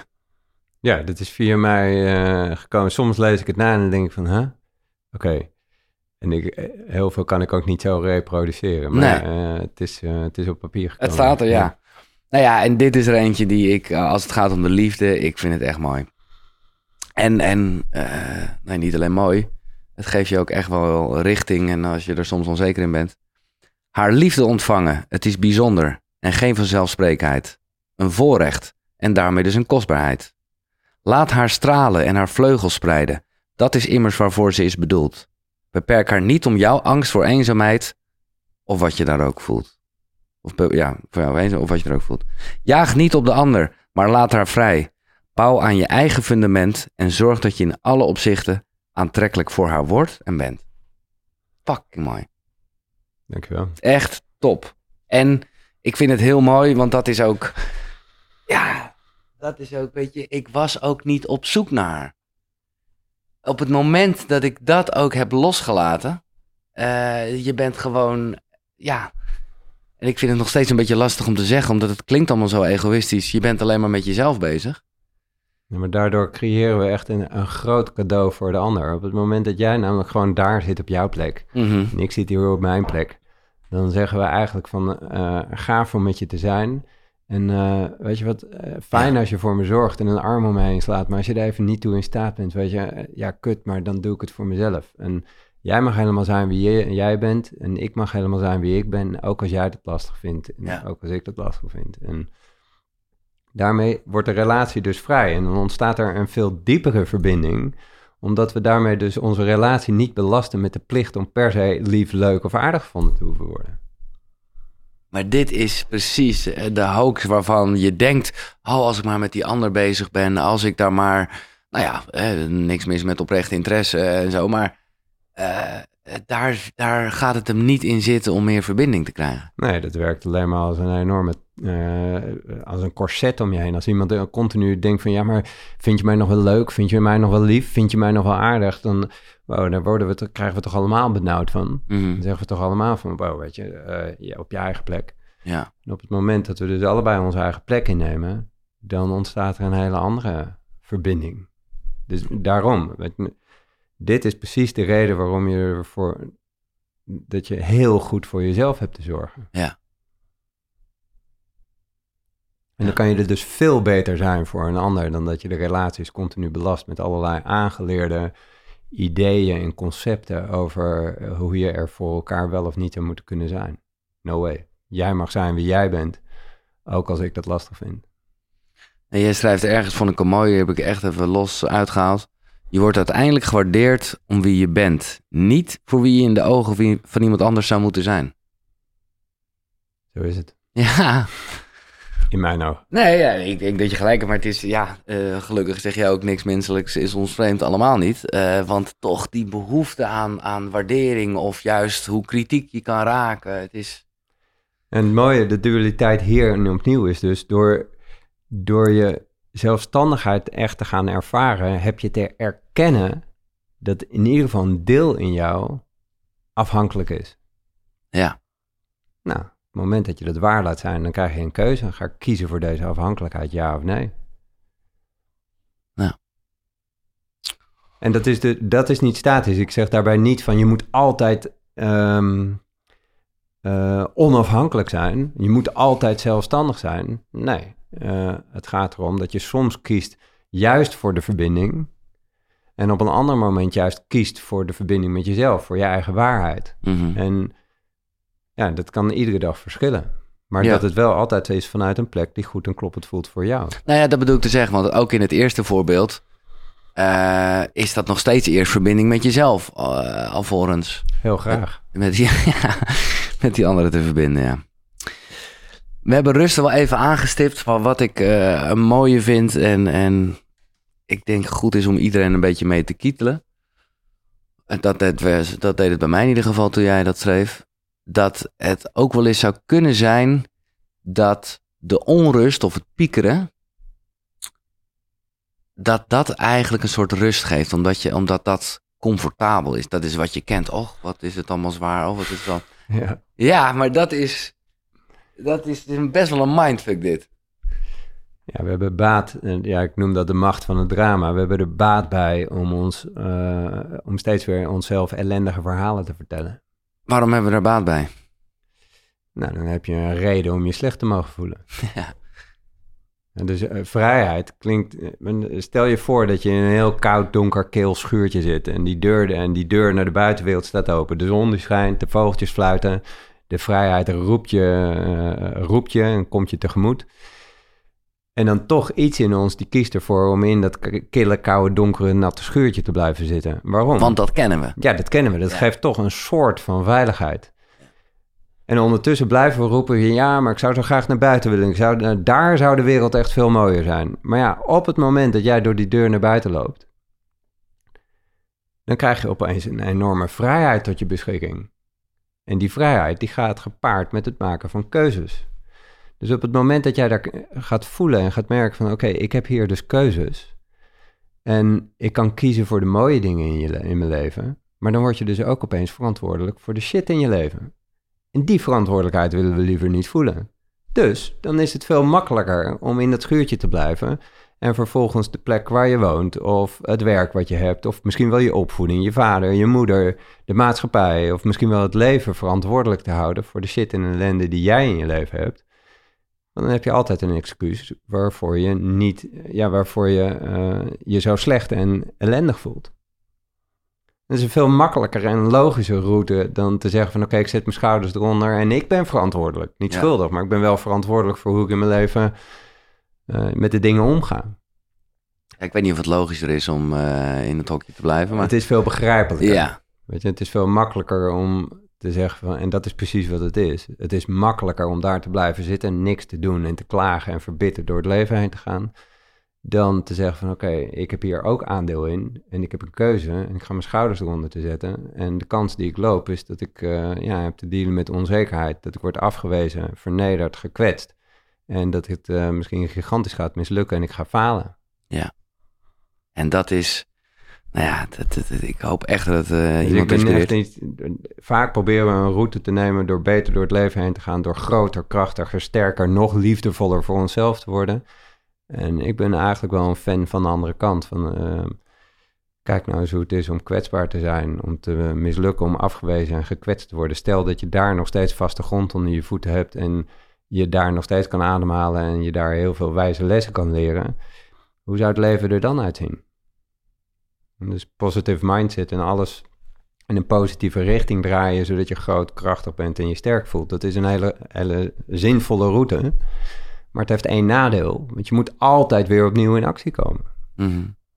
Dus als je je nou ook aan de schaduwkant van het leven kan dragen en ook daar weet hoe je je daar doorheen moet bewegen, dan wordt het leven toch gewoon een aaneenschakeling van ervaringen. Ja, oké, maar het lijkt, ja, nee, oké, maar het lijkt net alsof jij nu zegt, nee, ik snap wel dat je in dat eh, kleine donkere kamertje blijft zitten. Ja, dat snap ik ook. Ja, ik snap het ook. Alleen het werkt niet. Nee, nee, oké. Nee, dus dan toch, eh, ja, dan toch gewoon de angst, het oncomfortabele aangaan. Ja, maar zo eenvoudig, zo simpel als dat Nee. klinkt, is het natuurlijk niet. Nee. Dus dan heb je wel ergens... Weet je, iedereen... Ik geloof, als, eh, als we de metafoor van dat een koude donkere schuurtje nemen... en iemand die zegt van... ja, maar ik wil echt heel graag naar buiten. Ja, dat geloof ik. Ik geloof ook dat heel veel mensen dat willen. Maar er is een verschil tussen willen en durven. Heb je, blijf je het alleen willen of ga je ook ergens in jezelf de bereidheid vinden... al is het maar een millimeter... wat de moed heeft om het ook daadwerkelijk aan te gaan. En dat begint eigenlijk eh, bij de eerste pijler van, het, eh, van die twaalf Ja. pijlers. Van, ehm, kan je jezelf toestaan om ook onzeker te mogen zijn? Nou, als daar een bereidheid toe is, ja, dan is het alleen nog maar een kwestie van tijd. Ja. Het gaat alleen om de bereidheid. Je hoeft het nog niet eens te gaan doen. Maar als je zegt van oké, ik ben bereid om de onzekerheid aan te kijken. Dan gaat opeens de deur open. Ik zit even te denken of het zinnig is om de twaalf pijlers door te nemen. Want iedereen die luistert is natuurlijk super benieuwd. Eh, maar als ik ze gewoon zo plat sla, nee, ik kan ze even... eh, Maar ja, dat, is, dat, heeft gewoon niet zoveel zin. Maar tenminste, misschien ook wel. Maar je, de, de, de- want ik wil er wel op eentje... Nou, nou oké, ik zal ze even doornemen, want nu is het ook een beetje gek. Ehm, sta jezelf toe onzeker te mogen zijn. Dat is dus de eerste pijler. Kijk in de spiegel voordat je de dag begint. Nee, bedoel je dat ook letterlijk? Want ik vind het ik, figuurlijk denk ik dat ik het goed doe. Eh, Ja, letterlijk, nou, letterlijk vind letterlijk ik het. mag, maar is niet nodig. Het Nou. eh, is meer figuurlijk bedoeld. be- Ehm, een mooie mantra, nee, die heb ik meer voor mezelf. Eh, nou oké. Kijk vanuit welke plek je oordeelt. Focus maakt blind en dat biedt kansen. Ja, even gaan. Dit is, ik denk dat veel mensen denken: dit moet ik lezen. Is ook echt zo. Mag ik zijn wie jij bent? Of mag jij zijn wie je bent? Sorry. De ander is zoveel, daar zal je nooit aan kunnen voldoen. Nou, we, hebben het over een hoop eh, dingen wel gehad. Ban giftige mensen uit je omgeving. Nou, ik weet dat je daar nog bij eh, tijdens een webinar een keer heel goed op inging van wie wil je in je zaal hebben zitten. Ja. Dat is een mooie, hè? En Ja. voor jou ook een, een, een zeer confronterende als het gaat over... Nou ja, dat hebben we in het eerste gesprek besproken. Ik, vind, ik waardeer heel erg eh, je openhartigheid, Jur, in, in de band met je vader die je hebt. Of ja, die, eh, nou ja, die heb je dus altijd. Maar dat was heel problematisch. Kort eh, gezegd, hij, wa- nou ja, jouw vader had een huisartsenpraktijk. Jij hebt het overgenomen.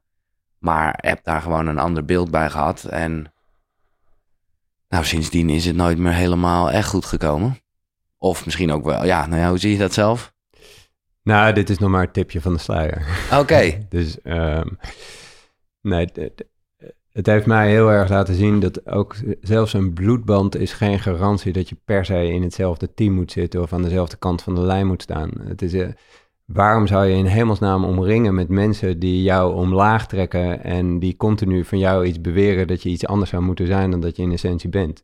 Waarom zou je dat soort personen in hemelsnaam nog in in je directe omgeving willen hebben? Ehm, en zelfs als het een bloedband is, eh, ben je dan verplicht om dat contact maar aan te houden, terwijl het je ondertussen continu omlaag trekt. Ik ben er echt een voorstander van om daar ook eh, gewoon het zwaar te hanteren. En dan niet om de ander te vernietigen, maar om de band te doorsnijden. Maar daarin wel te erkennen dat het, dat, dat de realiteit is. Dus eh, mijn vader is mijn vader en ik kan oprecht zeggen dat ik van hem hou en dat ik hem waardeer voor alle dingen die hij mij gegeven heeft. En niet alleen de mooie dingen, maar zeker ook de shit in mijn leven en de dingen die ik verschrikkelijk gemist heb. En, eh, Omdat ja, je zelfs dat ziet als lessen waarmee jij eh, nou, als hij niet deze man was geweest die hij is en me niet op deze manier eh, behandeld had zoals hij dat heeft gedaan, dan was ik never nooit, dat denk ik, weten we natuurlijk niet zeker, maar juist daardoor heeft hij mij Ja. in staat gesteld om mijn eigen plek in te nemen. En daar ben ik hem heel erg dankbaar voor. Alleen ah, niet helemaal in de verpakking zoals we het waarschijnlijk allebei gewenst hadden. Nee. Ja, dus eh, omring je met mensen die het beste met je voor hebben. Voordat we doorgaan naar eh, de andere punten. Dit was punt 7. toch ben, ja, ik ben gewoon nieuwsgierig in deze. Hè. We hebben het hier nogmaals vorige keer ook wel een beetje over gehad. Maar bijvoorbeeld nu dit nieuwe boek. Stuur je het hem nog op? Ben ik heb ben- hem, er staan een aantal zeer persoonlijke dingen in. Dus Ja.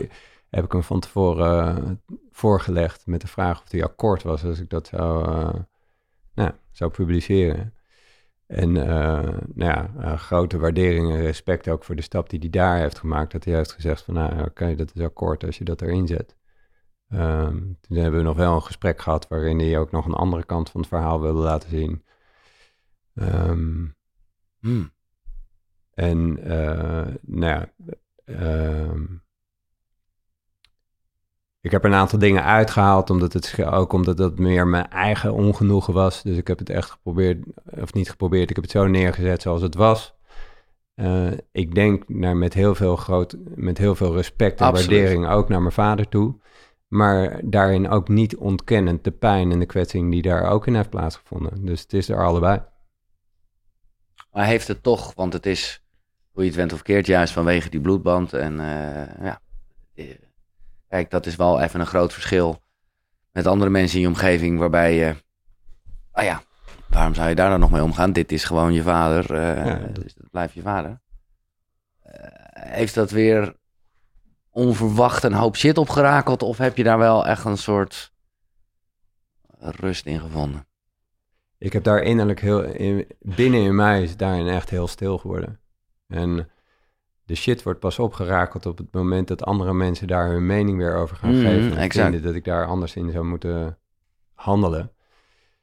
Maar ik weet dat ik vanuit een hele zuivere en een integere plek kom. En, eh, maar ja, ik, eh, nogmaals, waarom zou ik me omringen met mensen die mij continu weer naar beneden halen? Nee, maar ik bedoel te zeggen, kijk, eh, geen enkele twijfel over de zuiverheid en de goede intenties en de liefde ook. Maar het is toch altijd confronterend op het moment, nou, ja, waar we het over hadden met een ruzie, zo, op het moment dat toch iemand zijn, en niet zozeer, ja, een beetje ook zijn versie van het verhaal, maar gewoon zijn gevoelens, eh, ja, dat, ja, dat, dat, ik wil niet zeggen, ja, dat kan het wel een beetje veranderen. Of in ieder geval weer dat je denkt, oh ja, god, Zeker, en dus daarin laat ik me steeds weer mezelf raken. En juist door me daar te laten raken en te voelen en het allemaal op tafel te leggen, blijf ik zo voor mezelf kijken van, oké, ben ik hier nog trouw aan mezelf? Ehm, of ben ik hier iets aan het eh, ontwijken wat eigenlijk wel aangekeken wil worden? En dat verandert natuurlijk in de tijd. Op dit moment is de situatie zoals die is tussen mij en mijn vader voor mij kloppend. Ja. En ik zeg niet dat het altijd zo zal blijven. Nee. En dat we over een jaar, vijf jaar, wanneer dan ook, naar een andere plek toe zouden bewegen. Nee. Ehm, geen idee. Maar nee, ook daar weer geen verkramping of vasthouden aan... nee, en als daar pijn voorbij komt of gemis, oké, dan, dan draag ik mezelf in dat gemis en in die pijn.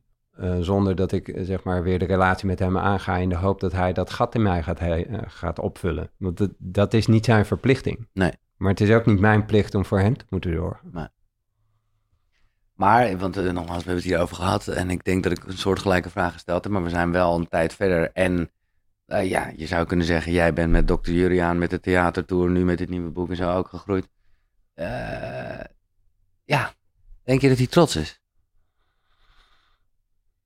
Nou, de persoon aan wie je dat zou moeten vragen, dat is hem ja, hij zelf natuurlijk. Maar eh, ja, weet je, het zou een arrogante plek zijn als ik zou zeggen dat hij dat niet zou zijn.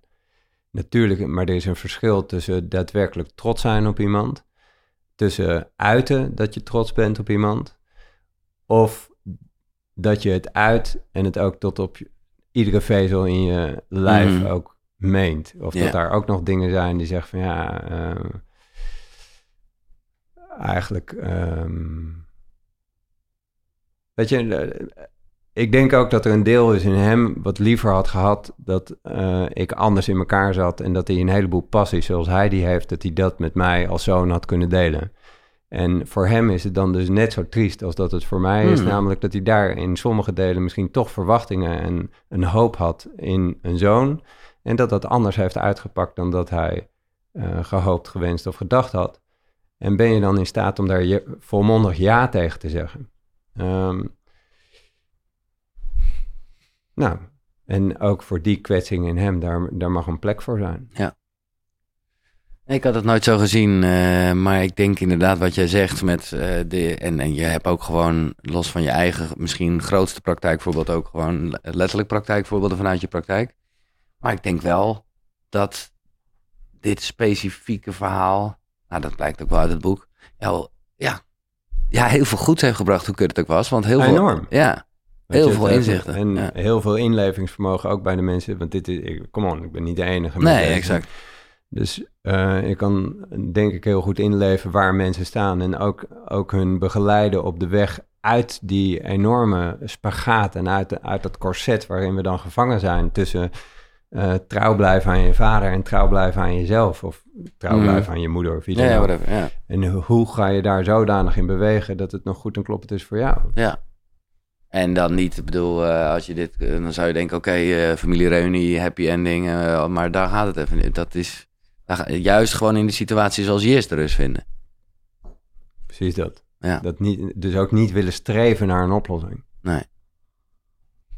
Oké, van de twaalf pijlers, ban giftige mensen uit je omgeving is zeven. Acht is, en hier ben ik blij mee, Jur. Ik weet niet of wij het hier ooit hebben over gehad, maar het komt hier eh, vaak ter sprake. Eh, de achtste is, kies voor nederigheid.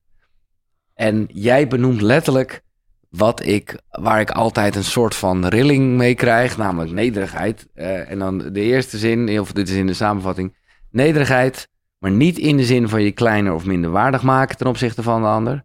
Nederigheid in de zin van jezelf opstellen als leerling. Beseffen dat je niet alles weet en dat je er bewust voor kiest om nieuwsgierig te zijn.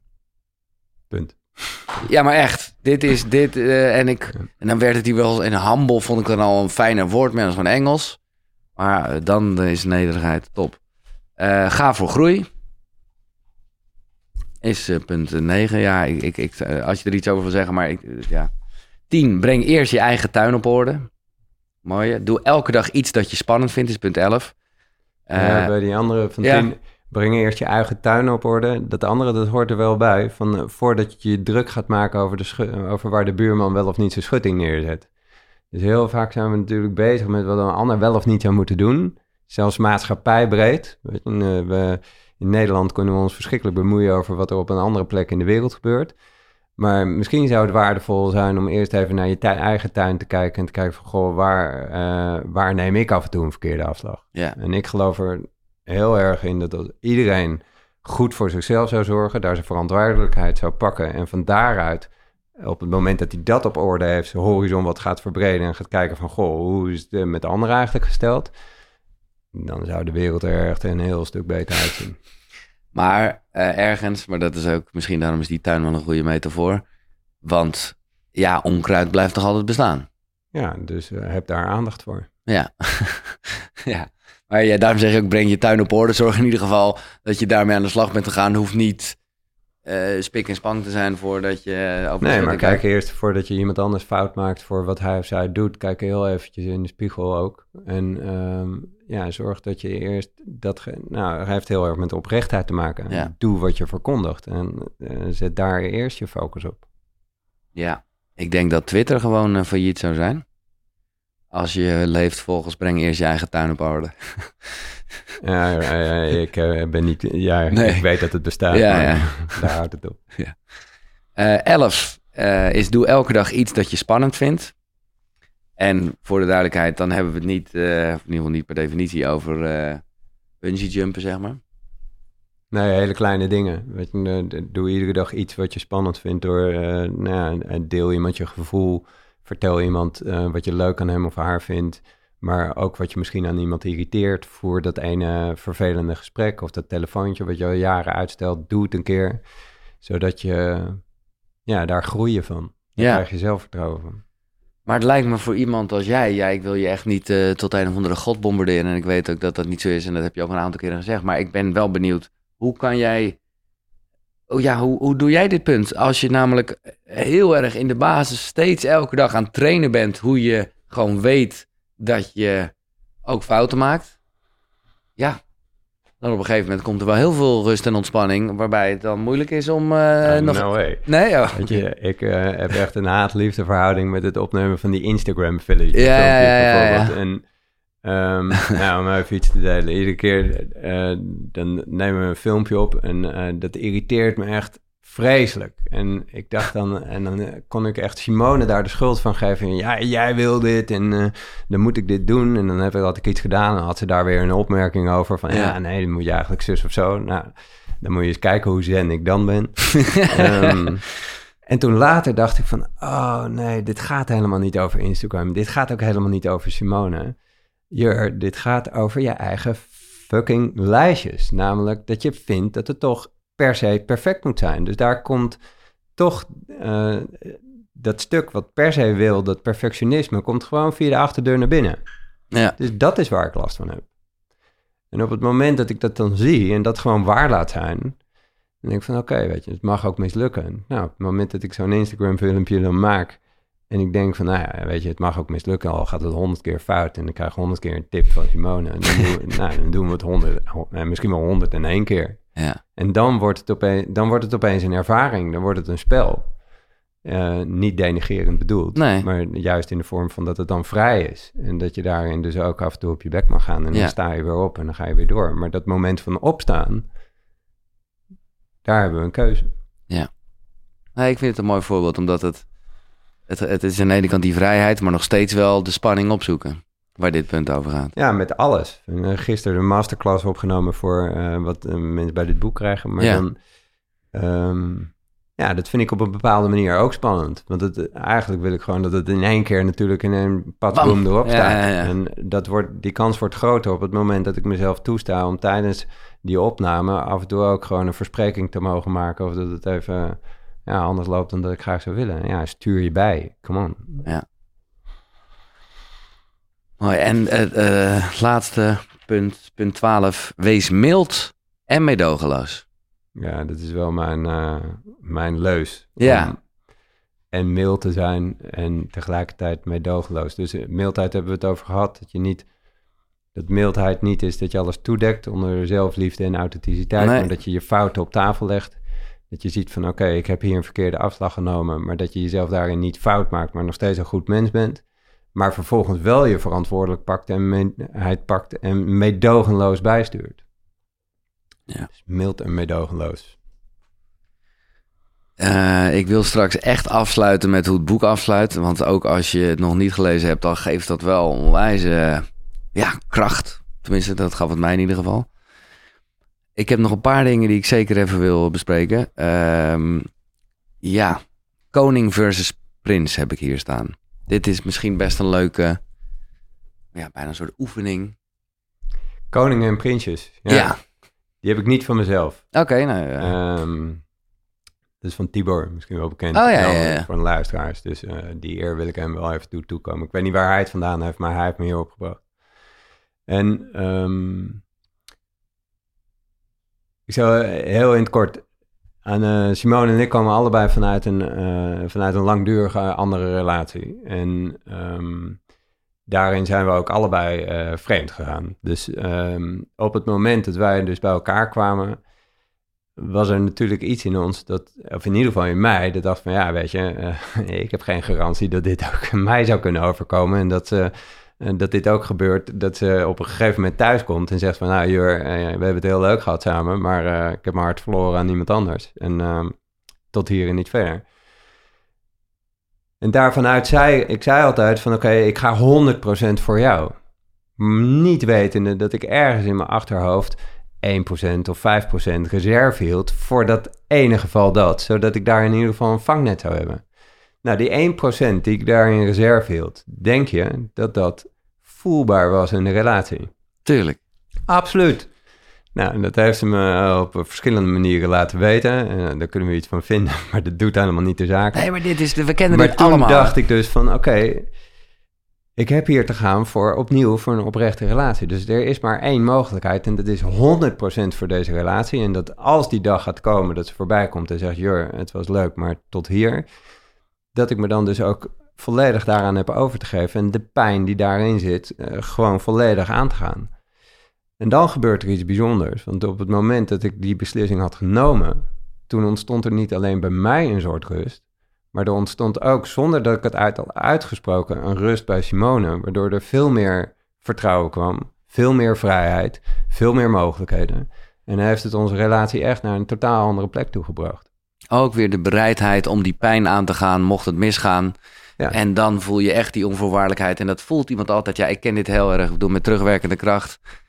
Eh, als ik denk aan eerdere relaties. eh, ja, was het nooit die 100%. Nou, wat heeft dat dan te maken met koningen en prinsjes? Nou, eh, een prinsje die moet zich continu bewijzen. En die wil continu ja, laten zien dat hij de beste is, dat hij de prins is. En die eh, probeert alle harten van alle vrouwen te veroveren. En eh, daar heel erg zijn best te doen. En de koning die, eh, die zit gewoon. En die weet dat hij alle vrouwen zou kunnen krijgen. Maar die gaat voor die ene. En eh, laat dat ook zien in zijn acties en in alle dingen die hij doet en zegt. Dus ehm, ja, wil je een koning of een prins zijn? En er is niks mis met een prinsje. Er is, niks, er is niks Nee. mis met het zijn van een prins. Maar dat is een keuze. Ja. En als je zegt van nee, ik wil geen prins zijn, ik wil een koning zijn. Dan heb je dat ook te laten zien in je acties. Maar, en dat is ook niet dat jij dat niet zegt, want dat is natuurlijk wel heel vaak makkelijker gezegd dan gedaan, omdat je dan dus ook echt de koning moet voelen over ja, het onderwerp waar het dan even over gaat. Nou, in ieder geval je als koning opstellen naar je partner. Dus Ja. eh, eh, vanuit een man zijnde dat je naar je vrouw toe zegt van oké, eh, jij bent de enige echte. Ik ga voor jou. Andere vrouwen zijn er ook. Maar die hebben geen, in die zin geen, daar heb ik geen ruimte voor. Want ik besteed al mijn aandacht, tijd en liefde voor jou. Ja. Waarom? Omdat je het waard bent. En ik zelf ook. Denk jij dat we in, ja, denk je dat we het filter kunnen uitleggen? Of is dat, eh, ik, kan, ik kan het ook aan je, maar het is, het is, ja, het is super helder voor de duidelijkheid. Nu maak ik er een heel eh, vaag iets misschien van, maar hè, een perspectief om naar de wereld te kijken. En jij hebt voor jezelf een, een zeven punten filter gebouwd. Ja, kunnen, kan je hem uitleggen? Die zeven filters van ehm, geef niks en niemand de schuld. Die Ja, bedoel je? ja. Nou, de eerste stap is geef niks en niemand de schuld over wat jij denkt, hoe je, wat je doet en hoe je je voelt. Er is niemand anders verantwoordelijk behalve jij.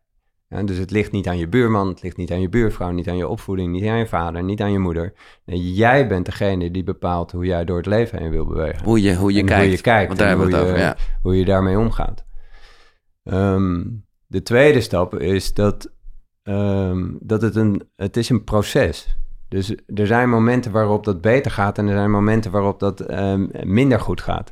Sta jezelf daartoe om daarin te mogen leren, te groeien en te ontwikkelen. Dus maak jezelf niet fout als het even niet gaat.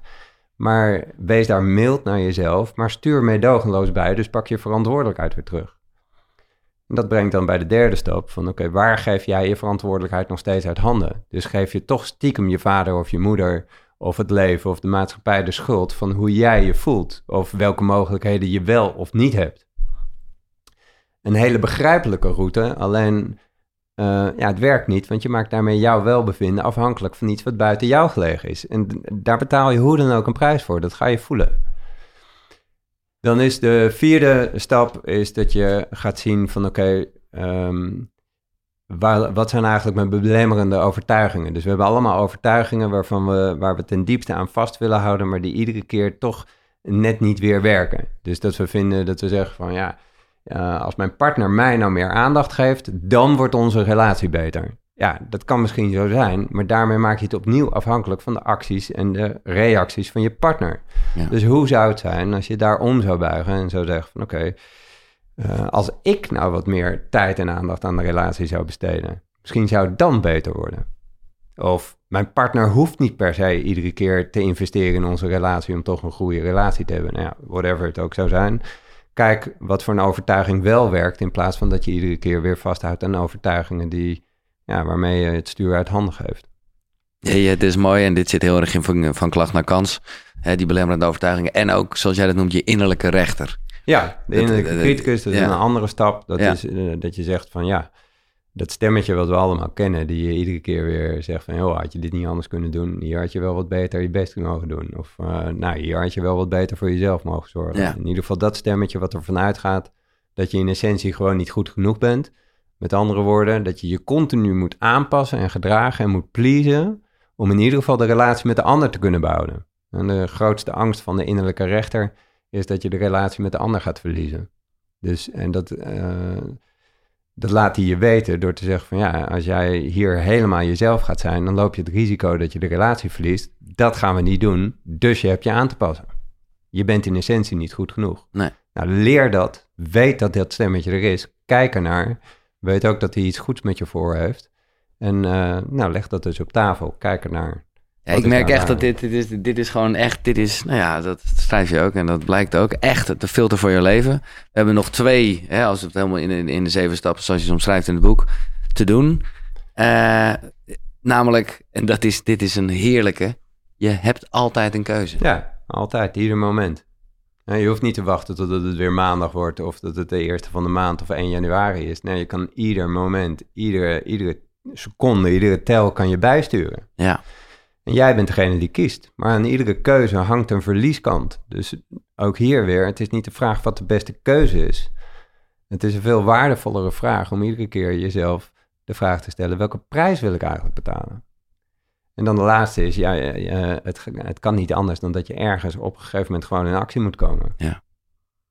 Dus achterover, ik ben groot voorstander van niet in actie komen, niks doen, wachten, kijken, voelen en alleen maar waarnemen. Maar vroeg of laat heb je een stap te zetten. Ah, fucking mooi. En ook heel krachtig. Is er iets wat, uh, ja, wat jij zeker nog even wil bespreken of wil uitleggen over Jij bent de liefde? We hebben al een aantal keren genoemd dat er dus ook, het is een boek, uh, maar er zit inderdaad ook, ik, eerlijkheid gebied te zeggen dat ik dat nog niet gedaan heb, uh, QR-codes erbij en dan krijg je ja, er zitten, er zitten twee schema's in. Eén schema is over uh, gezond vertrouwen. Ja. Nou, uh, dat hebben we opgenomen op een video, zodat ik je daar ook nog eens een keertje stap in stap voor in meeneem. Datzelfde hebben we ook gedaan bij waarden en symbolen, omdat het zo... Tuurlijk, ja. Daar heb je mee te werken en dan is het waardevol om dat vanuit verschillende perspectieven dezelfde boodschap te krijgen. Dus niet alleen te lezen, ermee te werken, maar het ook nog eens een keertje te horen en te zien. Um, Wist ik iets? Nee, ja, ja, en een QR-code voor het werkboek. Dus er zit een werkboek bij in waarmee je een aantal opdrachten hebt om ja, hiermee aan de slag te gaan. En hoe, uh, ben ik gewoon nieuwsgierig naar hoor, uh, hoe, kijk, van klacht naar kans. Nou ja, dit is, dat was echt nog heel erg van, uh, nou ja, je zou kunnen zeggen dokter Juriaan in de spreekkamer, naar wel wat meer naar binnen gaan in plaats van een receptje voorschrijven. Maar ik kan me heel goed voorstellen hoe je daar, en dat doe je ook, uh, nou ja, in één op eens of in theatersetting uh, mee aan de slag gaat. De, dit, dit boek is, uh, ja, ik weet niet of ik het nou spirituele kan noemen. Maar snap wat ik bedoel? Het is wat, ik ben gewoon heel benieuwd hoe, ja, hoe je dit gaat verwerken in misschien theater of misschien iets anders. Snap je? Want het is, nou, heel, is het gaat heel erg over gevoel. Nou, de, um we geven trajecten aan mensen. Degene die daarna een verdiepingsjaar willen, dat is eigenlijk dit boek. Ja, dus, ja, Er is nu een groep bezig die, uh, uh, nou het zijn twaalf pijlers. Dat is toevallig zo ontstaan, maar dat betekent dus dat we iedere maand een aandacht geven aan één pijler. Dus die, die hmm. gaan een jaar lang met dit boek aan de, uh, aan de slag. Ondertussen heb ik een nieuwe ja, theatercollege in elkaar gezet, van het weekend ook. Um, om, net als wat we bij de lezing van Klacht naar Kans in theater deden, om dat na de zomer langzaamaan uit te gaan rollen in uh, dit boek van Jij bent de liefde. Met heel veel interacties en uh, eigenlijk alleen maar quotes waar aan het verhaal is opgehangen. Ja, um, oh. Ja, het, dit boek is veel meer, uh, nog meer... Ja, van Klacht naar Kans zijn gewoon de handvatten en, ja. en een beetje oneerbiedig gezegd de, de tips en de tricks hoe je door het leven heen kan bewegen. Uh, dit boek is er echt voor om het je ook daadwerkelijk te voelen en het je eigen te maken. En dit is veel meer zoals ik mijn leven leef. En op sommige momenten nog steeds, ja, eigenlijk iedere keer weer op basis hiervan mijn beslissingen nemen. En dat heeft me zowel qua fysieke gezondheid, maar ook mentaal en de mensen die ik om me heen vergaar. En zowel professioneel als in mijn privéleven echt heel veel vrijheid, geluk, voldoening, gezondheid opgeleverd. Dus ja, uh, ja dat gun ik iedereen. Ja, ja, mooi man. Uh, ik wil graag naar het einde van het boek. Ik, uh, vind je het gek om het zelf voor te lezen? Nee, ik denk dat ik okay. weet wat er staat. Ja, dat denk ik ook. ik, wat ik nog ook wil zeggen. is, nou ja, jij noemt net heel eerlijk over dat vreemd gaan en zo. En, en, en nou ja, zelf heb ik ook nog wel de neiging om toch nog te verdrinken in werk of dingen doen, oh, hè, waar we het over gehad hebben. Als je iets nodig hebt om je goed te voelen. Hmm. Maar ik vind het zo fijn, en dat ademt dit gesprek ook uit, dat het dat je, ja, dat, dat je best mag voelen dat het bijzonder is als je dat niet doet. Ja, dat vind ik heel krachtig, omdat ja, dingen als vreemdgaan of uh, werken, verliezen in je werk, ja, dat, dat, dat, doen gewoon, ja, dat gebeurt gewoon zo vaak en doen zoveel mensen. En dan, ja, ik weet niet waarom ik dit nu nog even benoem, maar dat kan je gewoon zo'n, tenminste voor mij in ieder geval, een soort goede kracht vinden van, hé, hey, maar ik kies ervoor om dat niet te doen. Ja, en je bent geen fout mens als het wel gebeurt. Exact, oké. Maar En wees daar mild naar jezelf. Maar stuur meedogenloos bij. Want het draagt niet bij aan de relatie tussen jou en jezelf. Want je schaadt daarmee de relaties in je omgeving. Ehm, maar altijd weer vanuit een plek die goed en kloppend is voor jou. Zorg eerst voor jezelf. Ja. Kijk, het einde misschien moet ik het een beetje introductie geven. Uh, en ik weet ook helemaal niet of, nou ja, ik denk wel dat het goed overkomt. Maar het is meer dat ik het las en dacht, shit, wat een kracht spreekt hieruit. Ik zal een kleine introductie doen en, en dan, uh, dan kan je het laatste ding voorlezen. Het gaat over waarachtig zijn. En dit is een beetje, nou ja, het soort einde in het boek. Uh, en dat jij schrijft dat je hoopt dat de inzichten je meer in, verband, in verbinding heeft gebracht met de belangrijkste persoon in je leven, namelijk jezelf. Uh, maar ook, en dat is, wow, dat is soms, dat, dat is echt ook werk voor mij veel te doen. Dat je, dat je niet alleen met, oh, met je mooie licht en krachtige kanten zoals je schrijft, maar ook dat het je in verbinding heeft gebracht met, ja, de schaduwrijke, schrijf hier, kwetsbare, angstige, pijnlijke en onzekere delen. Met de, met de mildheid. Omdat ja, omdat die delen ook aandacht nodig hebben. Die vragen, het is niet voor niks dat dat uh, in je zit. Um, ja, het vraagt ook jouw aandeelhouderschap en jouw verantwoordelijkheid. En dan komt, nou ja, dit. Dat laatste stukje? Ja, ja. Tussen de haakjes, ja, oké. Okay. Okay, kies voor niet weten, voor verlangen, voor nederigheid, nieuwsgierigheid en ontdekken. Kies voor de bereidheid om te falen, voor de weerstand en de tegenslagen.